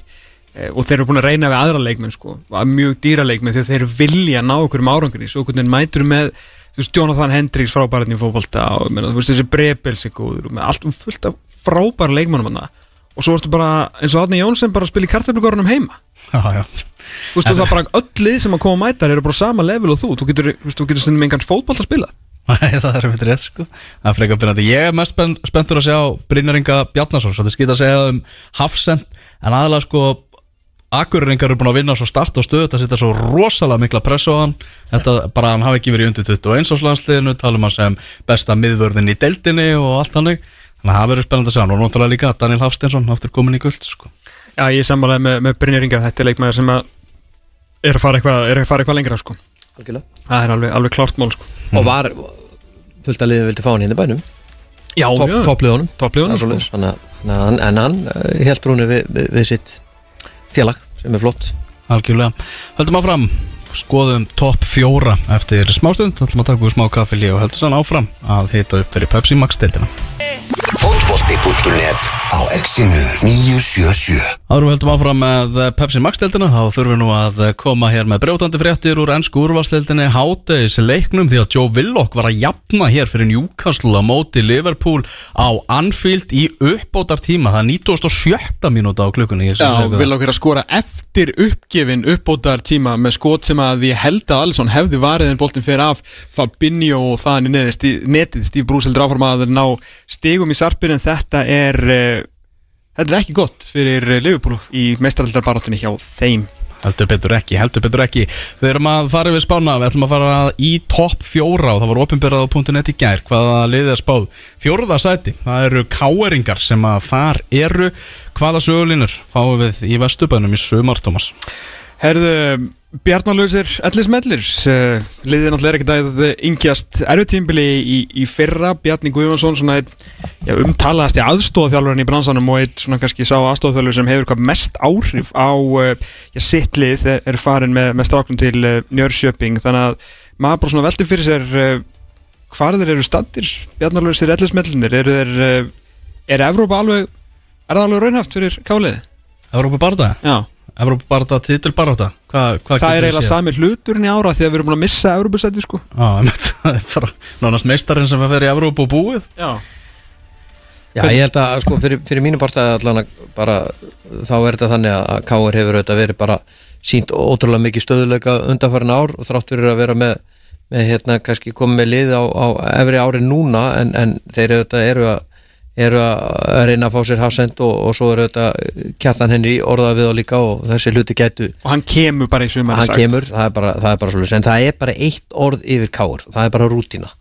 Þeir hérna, eru bara með sterkar liðseild þeir eru öflugir, þeir eru frábæri setja boltan út í kant og fylla tegin bara gera það sem þeir hafa gert áður og þeir síndu það núna bara móti skaganum. Þeir eru bara ótrúlega rútinaði lið stöðuleiki og rútina og sennilega bara eitt, já ég myndi bara segja lang best drillaða lið í deildinni. Mér finnst það bara að vera þannig eftir, eftir þeir fótboltur sem við vilja spila. Eina spurningin er bara, hefur endur nýjun og, og, og hérna verið nóg hröð og, og eru elstu og bestu mennirnir eins og Pálmi og Óskar eiga er eitt ár í viðbót fyrir káar sem að mér finnst ekkit ólíklegt með að við undirbúinstimbili hefði núna, þeir eru búin að vera bara frábærir.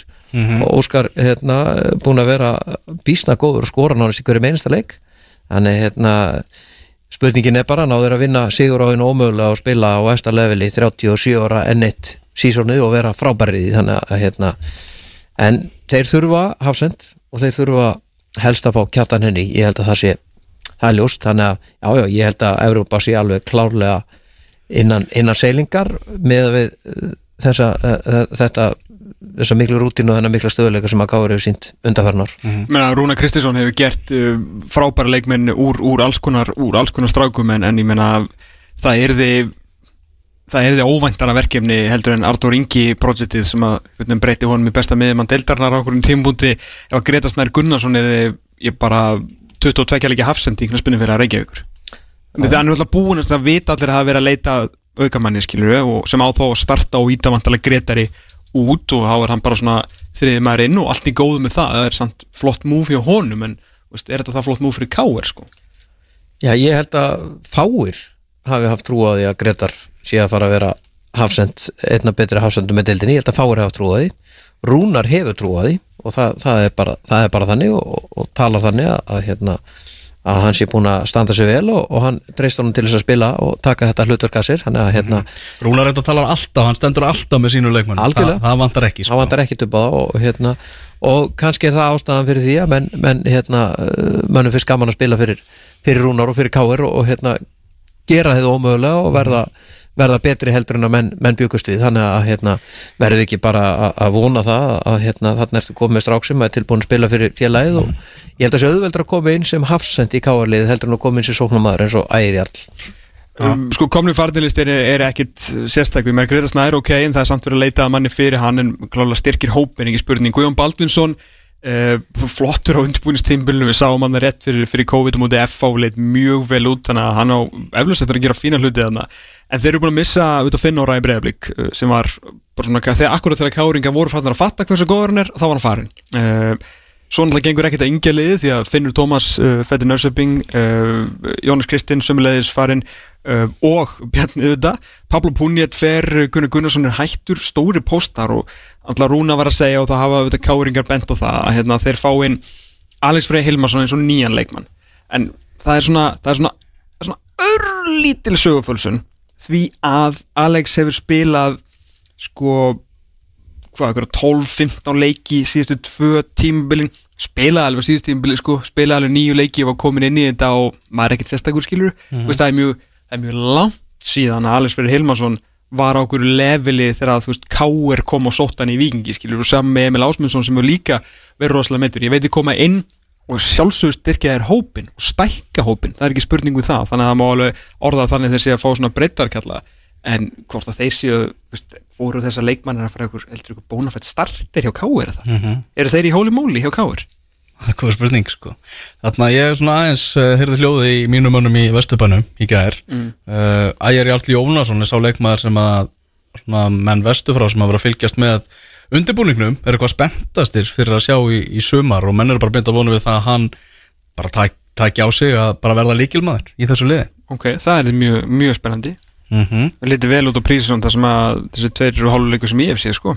Mm Algjörlega er búin að vera svona undir í svona þróun hjá Rúnari Kristinsinni svona undir hans vendavæng algjörlega og hellingur í hennar strák í hennar strák spunni, það, það er alveg og hérna hefur kannski einhvern veginn ekki alveg náðu að fylgja eftir eins og ég sáða hann, það er erfiðar að held ég að koma inn í káliði sem, sem hérna sóknamaður heldur en, heldur en hafsend og það tekur lengri tíma verandi með Óskar Örd þarna á, á prime time og búin að vera þar síðustu 15 árin eða eitthvað en, en hérna en þeir hafa þetta verið með, með þetta líka uh, frábæra sóknalínu í, í Kristjáni Flóka og, og hérna svo er Pálmur Ratt verið hérna í hólinu kringum kringum þetta og þetta er, er bara erfitt að brjóta sér inn í inn í lið sem hefur gengið ljómatu vel og er Íslandsmeistarar og, og á liðnum árum og svo er þetta um Alla Sigurjón sem hefur líka, líka tekið stór skrif fram á við og hérna það var allir búin að afskrifa hann þetta fyrir einhverjum ára síðan og, hann, hann er bara neitna líkjumlönum en það er líka eins og með hann, þú veist, nú þarf að halda áfram sko.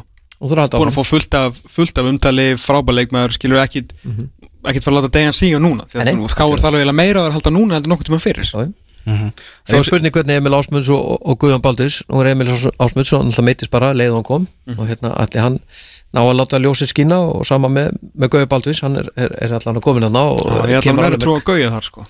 Ímsi, ímsi sem fullir á það síðan náttúrulega að um mitt mót muni mæta Kjartan Henry Finnbóðarsson bara bjóða góðan daginn og mæta inn í þennan hóp þessi rosalegi karakter.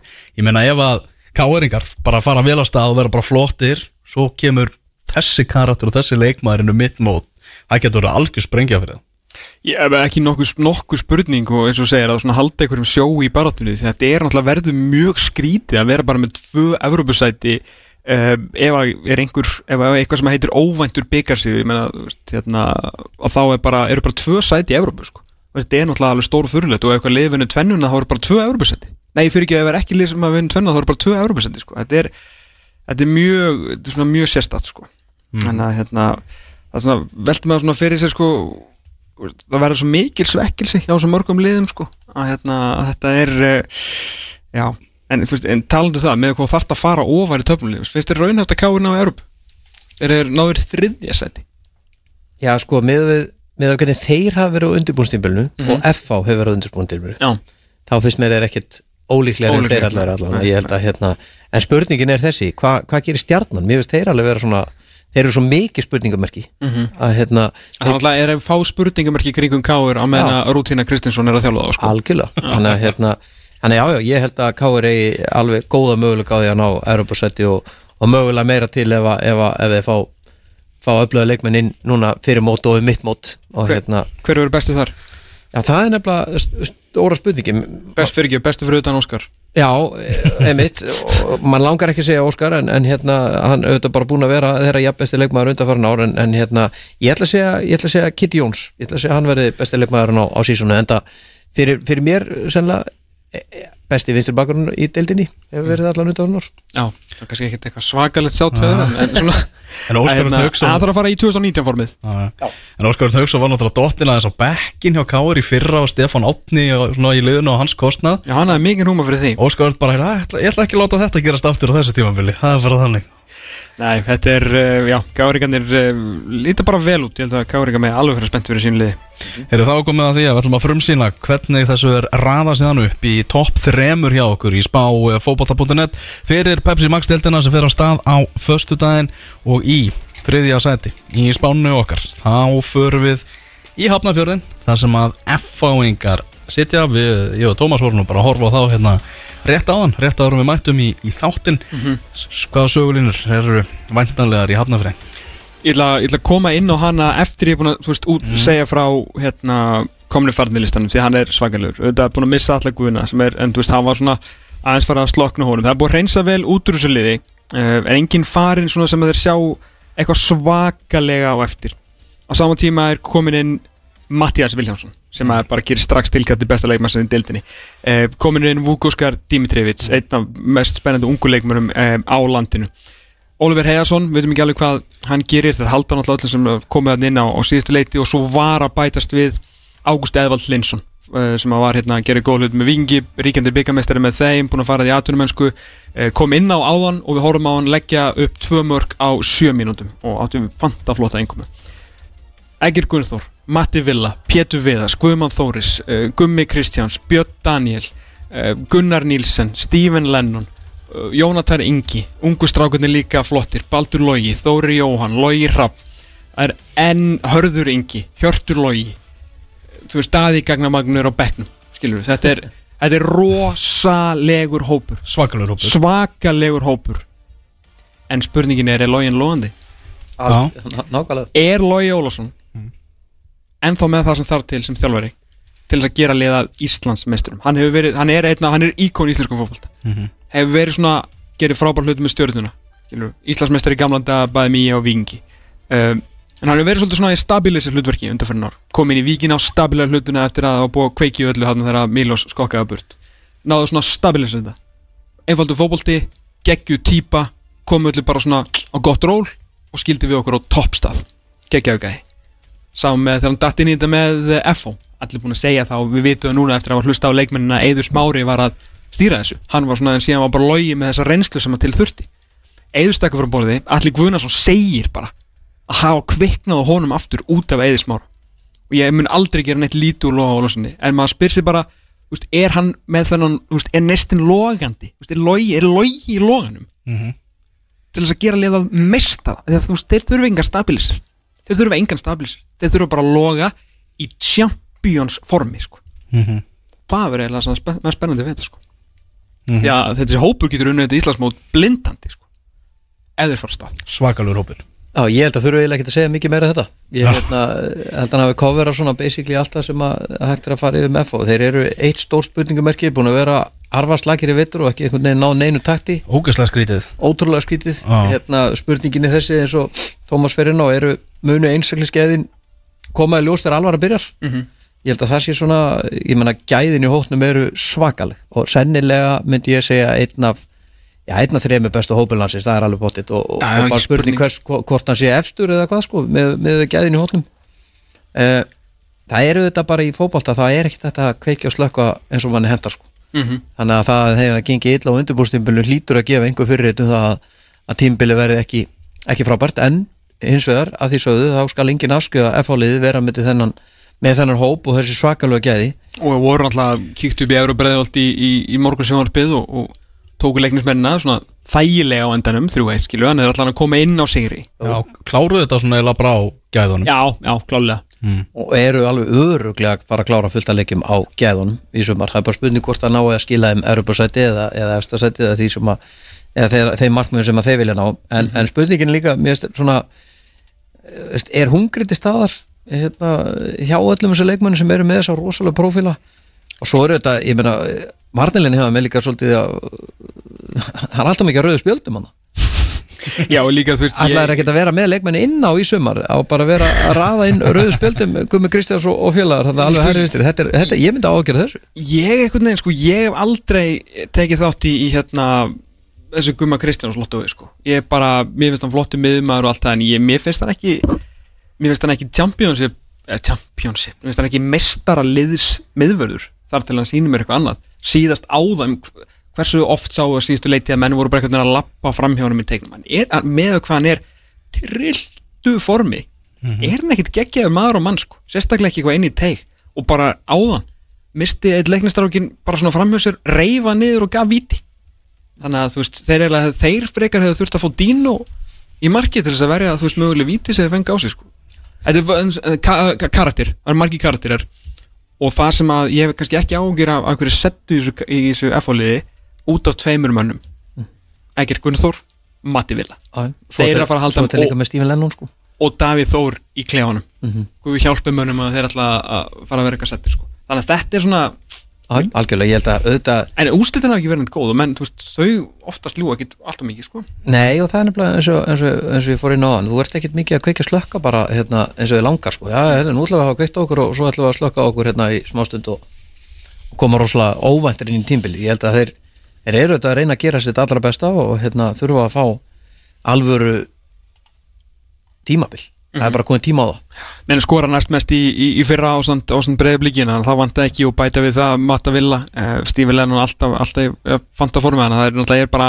idiotist að spáða mjög stað neðar en þriðasetti en þeir eru samt svona að manni finnst einhverju þar til maður sé þá í Íslandsmúndi alveg góðu hálfu skrefi jafnvel heili og eftir ég lefani sem eru þá í sætu nummer 1 og 2 Bestur í sumar?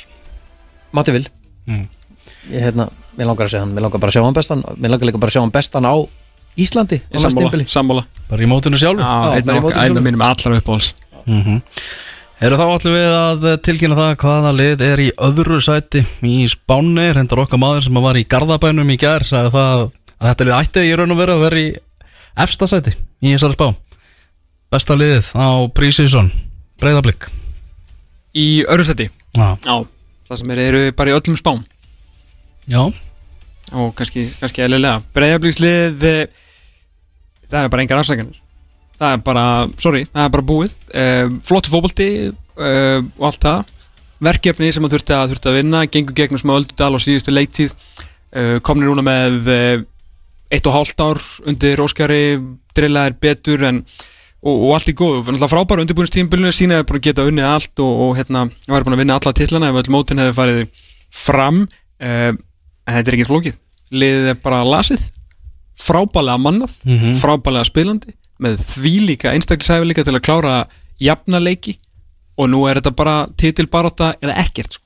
mm Siggi Höskulds var nú hérna í síðasta þætti og tala um að þetta væri ekki besta lið, þetta er lang, lang, lang besta lið á undirbúinstíðanbílinu Já, ég held að hérna, auðvitað hefur maður mikla trúa því sem að, sem að hérna, Óskar Rafn er að gera og, og svona hefur komið með er svona nýsköpun á íslenska mælikvarða í íslensku fótbolta og hérna spila stórhættilega fótbolta og hérna menn eru smekið við hlaupin og það er alls konar hlaup og alls konar útvæslur á hinnum ímsu leikaförun sem, sem hann hefur nýtt sér. Ég held svona kannski þeirra þe- þeirra hérna ágefni núna myndi ég segja kannski væri hvernig, hvaða áhrif hefur koma á leikmann eins og átna vil ég með þeir eru með sennilega eitt besta leikmann deildarinnar í þessari stöðu uh, átni vil er sender og hérna uh, er hann, er hann, hann er leikmann sem er búin að vera lengi á leikja lítir rútin í honum búin að spila mjög fá leiki. Hva, hvers ættast hann til, ætlar hann að vera í liðinu?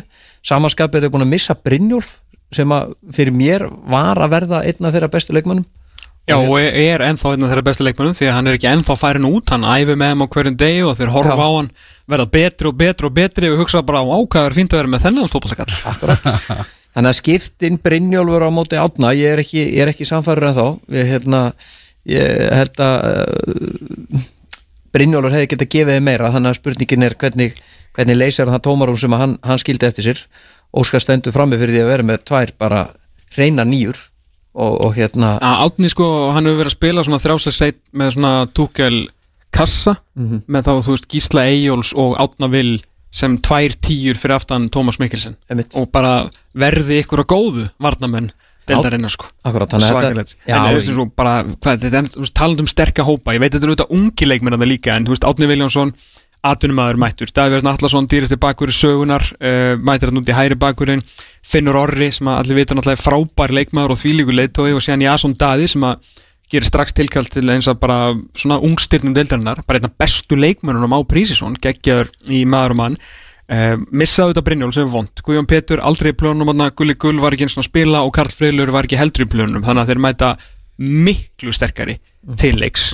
En nú er það bara spurning hvernig já, þessi er bara bolti fyrir menn og hvort að þeir líka ætli bara að verjast því að þeir náttúrulega voru oft gaggrindi fyrir einhvern hættulegan fótbolta og svona á síðustu leitið en það var kannski stundum við svolítið hort fram hjá því að bara miðverðinir voru bara að missa bolta yfir sig og, og Anton var ekki skot og þá er svolítið erfitt að verja, vinna fótbolta líki sko.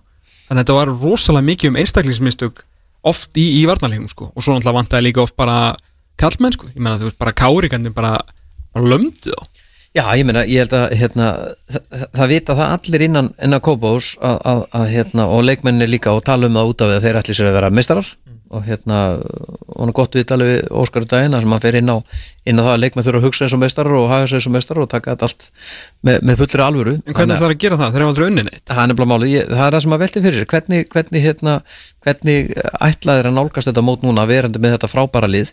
Og hv- hvað gera þér eftir þessa miklu umræðu núna ef að, ef að illa gengur í fyrsta leik á móti káir, þeir fá nú ekkert auðvelt verkefni í fyrsta leik. Og, það er bara, það er bara kryptonítið sjálft. Já, þannig að þetta er svona Rútína Kristinsson mæti bara og, og þú veist, mun bara gera það sem hann gerir ég sko. held að engu liði langi til að fá káir í fyrsta leik. Það er svona bara, það er ekki sísta þið mútum þetta velja eitthvað lið sérstaklega ekki breyðaflik Nei. þeir myndu velja sér öll hinn. Því líkur leikur í fyrstu Geðveikur leikur.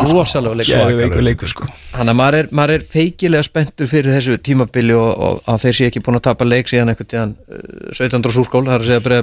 er feikilega spenntur fyrir þessu tímabili og, og að þeir sé ekki búin að tapa leik síðan einhvern tíðan 17. súrskól, það að segja breiðablík þetta ótrúlegt og gefur, gefur góð fyrir þetta en, en það gefur ekkert þegar þú lappar inn á, á völlin þeirra Nei, tímabili það er nefnilega málið, þú veist, hópurinn er stór og þú veist, það eru svakalega margir opsjónar í þessu. Þú veist, þú getur verið með alls konar varnalínu hvort sem þessi fjörumanna eða þryggjamanna þú veist, þú getur verið með spilandi miðverið eins og Finnora og, og jafnvel Davíð Ingvas eða, eða náttúrulega Róbert Orra skilur, síðan getur þú bara, ok ég fer hérna út yfir öll á móti, móti Rúnari ég ætla bara að vera með fjörumanna, það er bara Elvar og hérna, og Damir og ég ætla jafnvel bara núna að vera hérna aðeins tilbaka, þú veist, það er fullt af opsjónum í þessu, það er fullt af mönnum sem geta að skora mörg það eru geggjaði miðmenn, það eru frábæri vangmenn spennandi ungistrákar, búið að versla fullt í þetta fótballtalið, skilur líka. Það er búið að leggja mikið í þetta með hérna, flott þjálfarateimi og með þjálfara ásins, þú veist, það er allt annað. En síðan alltaf bara, þú veist, þarf að koma eins og varst að minnast á það sem Óskar sagði við okkur, skilur, að bara, þú veist, winning mentality, skilur og það held ég að verði lang stærsta svona challenge hjá þeim sko. Því að við vitum að þeir geta unnið hvaða lið sem er og þeir geta rústað hvaða lið sem er ef að, ef að sá, sá gallir er á þeim sko. En síðan þurfum menna að fara út á völlinu svo seirólur og gera þetta sko. Já, og það verður, það áhugaverðast það. Er verið áverst sko. En fyrsti leikur, káir breiðablík verður breiðablík káir, það er eitthvað. Það er eitthvað. Það skiptir máli sko að þetta sé breyðablíkáður því að Já, Óskar, Óskar getur ekki mætt á heimavöll og spilað ekki skilur með þryggjamanna og, og sótt á það Nei, nei, ég held að hérna þannig að það er, þannig ég hlaka mikið til að sjá hann leik en hver eru bestur þarna? Já, ég, þetta er, það er búið Úr, úr vöndur að velja? Já, menn mis erfitt að velja bestu leikmennu alltaf í liðunum En hérna uh, Gísli Jóls Já. hann var alltaf hann að Prísisson mestarinn hjá okkur sko, Já. besti leikmaður á undirbúinistímbilinu Hann, að- hann, hann var að detti í gýrin í fyrra og, og svona fór ansi langt með að vera jafngóður eins og hann var hérna fyrir, hvað, þreim ára síðan eða? Er ekki? Já, hann fór- ekki tveimur árum, já. Þetta líður svo hægt en ég er hratt Hann, hann er auðvitað bara galdramaður þannig, þú veist, hefur þetta allt eh, hérna, eh, hrikala góð átta ef að svo má segja en getur samt spilað og getur bröður sér einhvern veginn í allra, allra kvikita líki og skora fyrir utan teg og tekja menn á og ótrúlega beinskettur hraður og ákveðin og ég held að hann verði ef við ná honum í, í, í sama gíru og hann var fyrir tveim ára síðan og, og var svona líka sjálfur sér á síðustimbili þá er þeir í toppmál En í fyrsta sæti, í Spáni eru ríkjandi Íslandsmeistarar, það eru valsmenn, að menn hafa bara búið náttúrulega á hlýðarenda eftir tvisvar á dag og borðað þannig í fjósinu og, og ég veit ekki hvað og hvað svakalegur leikmannhópur áfall náttúrulega með Tryggverðar Haraldsson sem við gröndum frá hérna í þættunum fyrir viku síðan þegar hann verður fyrir þessu fótbroti og er ekki að fara að byrja mótið með þeim sem er bara risa högg en ágætiskallar sem eru hérna til staðar til að, til að fylla í skarðið Já, svo sannlega, þetta er náttúrulega bara sögulegin er bara er heimir að fá menn til að, til að borða. Verða, er, er þið bara settir aftur? Ég meina eftir 2019 tímbili bara katastrófa menn svakalega settir, komist aldrei í gýrin heimir er þjálfari sem hefur unnið þetta tvisur röð og uh, verið með frábærlið og þekkir það svona haldamönnum á uh, tánum og þetta er bara nákvæmlega það sem að ég hann þarf að gera því að það er bara það er ekki svona það er helsta ógn, það er bara að verða á settir eða Jú, neða, ég, jú. En er bara geta í fjósun Þú getur náttúrulega verið sættir, ég segi það Jú, ég held að þeirra, sko, það er alveg klálega ágefni en annað ágefni myndi ég segja er bara svona kannski hraði fram á því. Hver á að hérna pressa fram á því hérna, þeir, það er ekki ofalega hjá mörgum leikmönnum í valstíðuna að verjast hérna, það er að segja sóknarmönnunum. Þeir eru auðvitað með fullt af leikmönnum úr að velja en hraðin fór þegar að tryggja datt út úr liðinu hérna, og ég myndi hafa smá ágjör að, að, hérna hvort þið séu nógu bara eh, sterkir raðalega síðan fram á því en það hefur, hefur ekki gengið vel að núna þeir eru ekki búin að vinna úrastöldulegi síðan í februar Nei, einmitt. Og þetta hefur bara gengið fyrir ekkar illa þeim. Þetta tryggvið datt út, hraðin er farin það er bara svolítið, þeir eru auðvitað með Patrik Pedersen stór hættileg sendir, ég ætla ekki að taka að þeim. En þeir þurfa samt að hafa einhverja x-faktora í liðinu eins og tryggvið hrapp var og, og einhvern leikmann sem brýtur eitthvað upp Sigur Eitt er ekkit sérstaklega hraður, Kai Leo er ekkit sérstaklega hraður þannig að það er engin svona maður er ekkit svona, það er ekki váfaktor í sóknarlininu hjá, hjá valsliðinu. Nei, sko, þeir náttúrulega Þetta er þetta flott, þú veist, þú fá Arnur Smárásson Þú veist, á pappir er það flott en kemur frá, frá Lilleström, búin að vera aðdunumæður Náttúrulega Tryggvi Hrafn, síðan er hann frá. Á, á eftir því, þú veist, er þetta Kristján Köhler sem að eh, þykir ekki vera sami leikmann og Lassi Petri. Þannig að það er, þú veist, það er þetta með downgrade. Þú með Jóhannes Val sem að þykir bara svona, bara fínn bakurur en verður líklega downgrade frá, frá Valgiri Lundan, ok, stækkar hópi með Almari Ormarsinni, en farnir. Aron Bjarnason er besti framinn í deildinu, svo segir. Eður Aron sem er á með sín- hraða. Með hraða. Eður Aron besti miðvörun í deildinu og algjör karakter. Einar Karl Ingarsson bara leikil maður í, í, í svona rotation systemi sko. um, og síðan Lasse Petri og Valgi Lundal. Það eru þrýr leikmenn sem voru í liði ásins í fyrra sem eru farnir. Já, þú veist, farnirlistin er bara veist, þeir eru er koma góður. þeir eru að koma veikarinn í móti þráttur er þessi búin að fá Arnur og, og hérna Arnur, Almar og, og, og Tryggva sko. Já, ef að og ég, sérstaklega Tryggvi meittur í átta vikur sko. já, algjörlega Ef ég væri hérna tengdu valsliðinu núna, þá væri ég með ágjur af, af þessu undanföllnum mannum, hvernig þetta við gengið síðan í februar ég væri með ágjur af sóknarlinninni ég væri með ágjur af því að, að, hérna, að liðið væri ekki með hennar hraða og, og hennan, hennan svona þessa óvæntu hluti sem þarf að gerast á síðasta þriðjöki Þeir þóttu þungir í gæri í þessum leiki Garabænu og að og það er akkurat orðið sem er kannski yfir vassleir núna, þeir eru, eru pínu þungir og það er ekkit endilega út af því að, að hérna, liðir, liðir í liðlegu standi eða þeir eru bara með þunga leik með framávið, það vantar hraðan Aron Bjarnir er úti, Tryggvi Haralds er ekki, er, er ekki með. Þannig að hérna, ég myndi á ágjörð því. Er þetta er þetta bara rámt í okkur að, að vera að spá val eftirsæti? með þau hvað er rústuðu mótunum svakalega og hvað eru margir alveg þá ennþá góði leikmenn og þeir eru að taka þetta þetta, þetta förstum tökum og, og, þeir, veist, Og Heimir Guðjónsson. Heimu með annan og tveimur bestu þjálfurunum í deildinni. Um, eins og segi búin að æfa eins og aðturum menn þeir, þeir voru það komnir í undanáslut lengjubikarsins strátt fyrir allt saman. Þannig að nei, þetta er ekkit ránt en þetta er samt svona stendur aðeins held ég valtari fótum heldur en þegar við vorum að tala hérna í janúar og, og februar sko. auðvitað hefur það með að gera að hérna, F-fáingarnir hafa, hafa haldið áfram að bæta við sig en kannski aðalega hvað blikarnir líta vel út sko. uh, þetta er ekki ránt en þeir eru ekki að fara að hlaupa neitt í burtu með þetta mót og bara þvert á móti sko. mm Nei, fyrir mér minnir þetta með freka bara á, á tímabili sem Óli Jóaveli, það var veginn svona þessi faktora sem að síðasta tímbili hans voru, einhvern veginn dotnir út og það er svona verist þeirra svona sami andin yfir þessu núna menn eru, það vantar bara mikið fram á því fyrst mér, ég, ég, ég myndi að mikla rákjör þessu, mér finnst þeir ekki þeir ekki góður að pressa, þeir eru ekki að fara að sterk, pressa sterkustu liðin, þeir, þeir eru ekki með leikmennin í það. Þeir eru hérna, er ekki að fara að stíga hátt en þeir eru freka að fara að líka tilbaka þannig að svona, ég held að verði mitt mat án þess að vera eitthvað ægilega dómharður en það verður ekkit eitthvað rosalega skemmtilegt að horfa á valsliði á næsta ári. Ég held þeir, þeir fara að sigla og, og Í reyna sumar, meinarðu? já, í sumar hérna, næsta tímabili sem verður að byrja. já, já. þannig að hérna, það, þetta er ekki völlunum svona, yes, við erum að horfa á valslið það verður fullt af einhverjum svona brellum.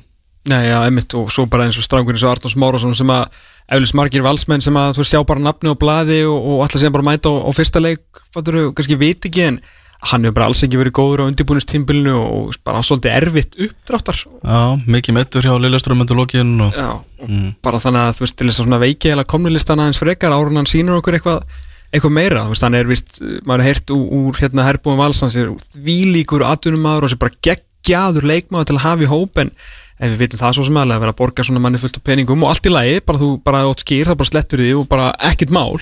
En þetta er kannski ekki svona á blaði leikmaður sem heldur að sé að fara að koma inn í mótið. Nei og hann er ekki með þetta sem að valsliðinu vantar í dag. Hraði.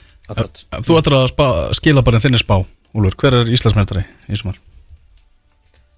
góð geggjurspurning Takk fyrir það. Uh, ég myndi segja ef, að, ef maður horfir á þetta blákalta þá finnst mér mér er svona breyðablík káur, mér finnst að vera líklegast þessu stað núna, Rú, rúna með sína rútinu og, breyðablík með sín geði og, Valur hefur samt það sem við vorum að tala um að Breiðablik hefur ekki Championship pedigree sko. Þeir hafa gert þetta áður. Algjörlega, ég held bara að hérna auðvitað er erfitt að spá um þetta og maður er auðvitað fabulegra með hitt og þetta en, en, en það er auðvitað ákveðna vísbendingar sem að gefa fyrir þetta um, um það sem að framöndan er og, og, og með eins og við erum að horfa á þetta núna þá er, þá er vísbendingar í það áttina að, að valsmenn séu pínlítið brottættir og vísbendingar það að breyðarblikni séu búin að mastera leikstílinn undir stjórn Óskar Raps og, og vísbendingur það að káaríkarnir séu að halda mómentinu gangandi og rútinan hérna, lifi mm. Verður Patrik Beðarsen bestur í val?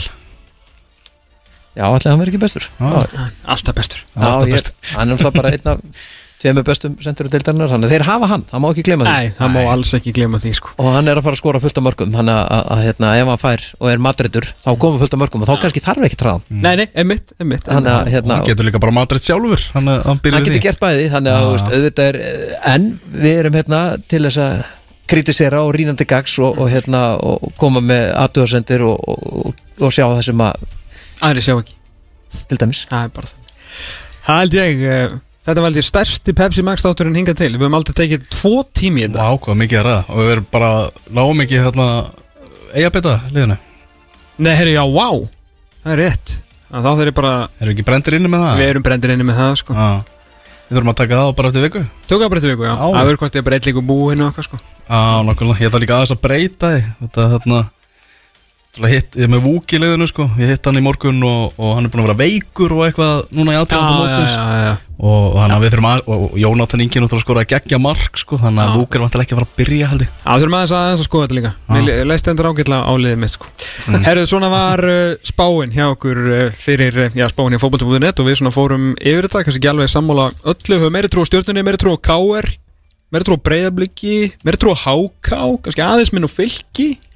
á á á á vikingandi svona og afskaplega litla trú á, á skaganum eins og kannski allir þessa, þessa dagana.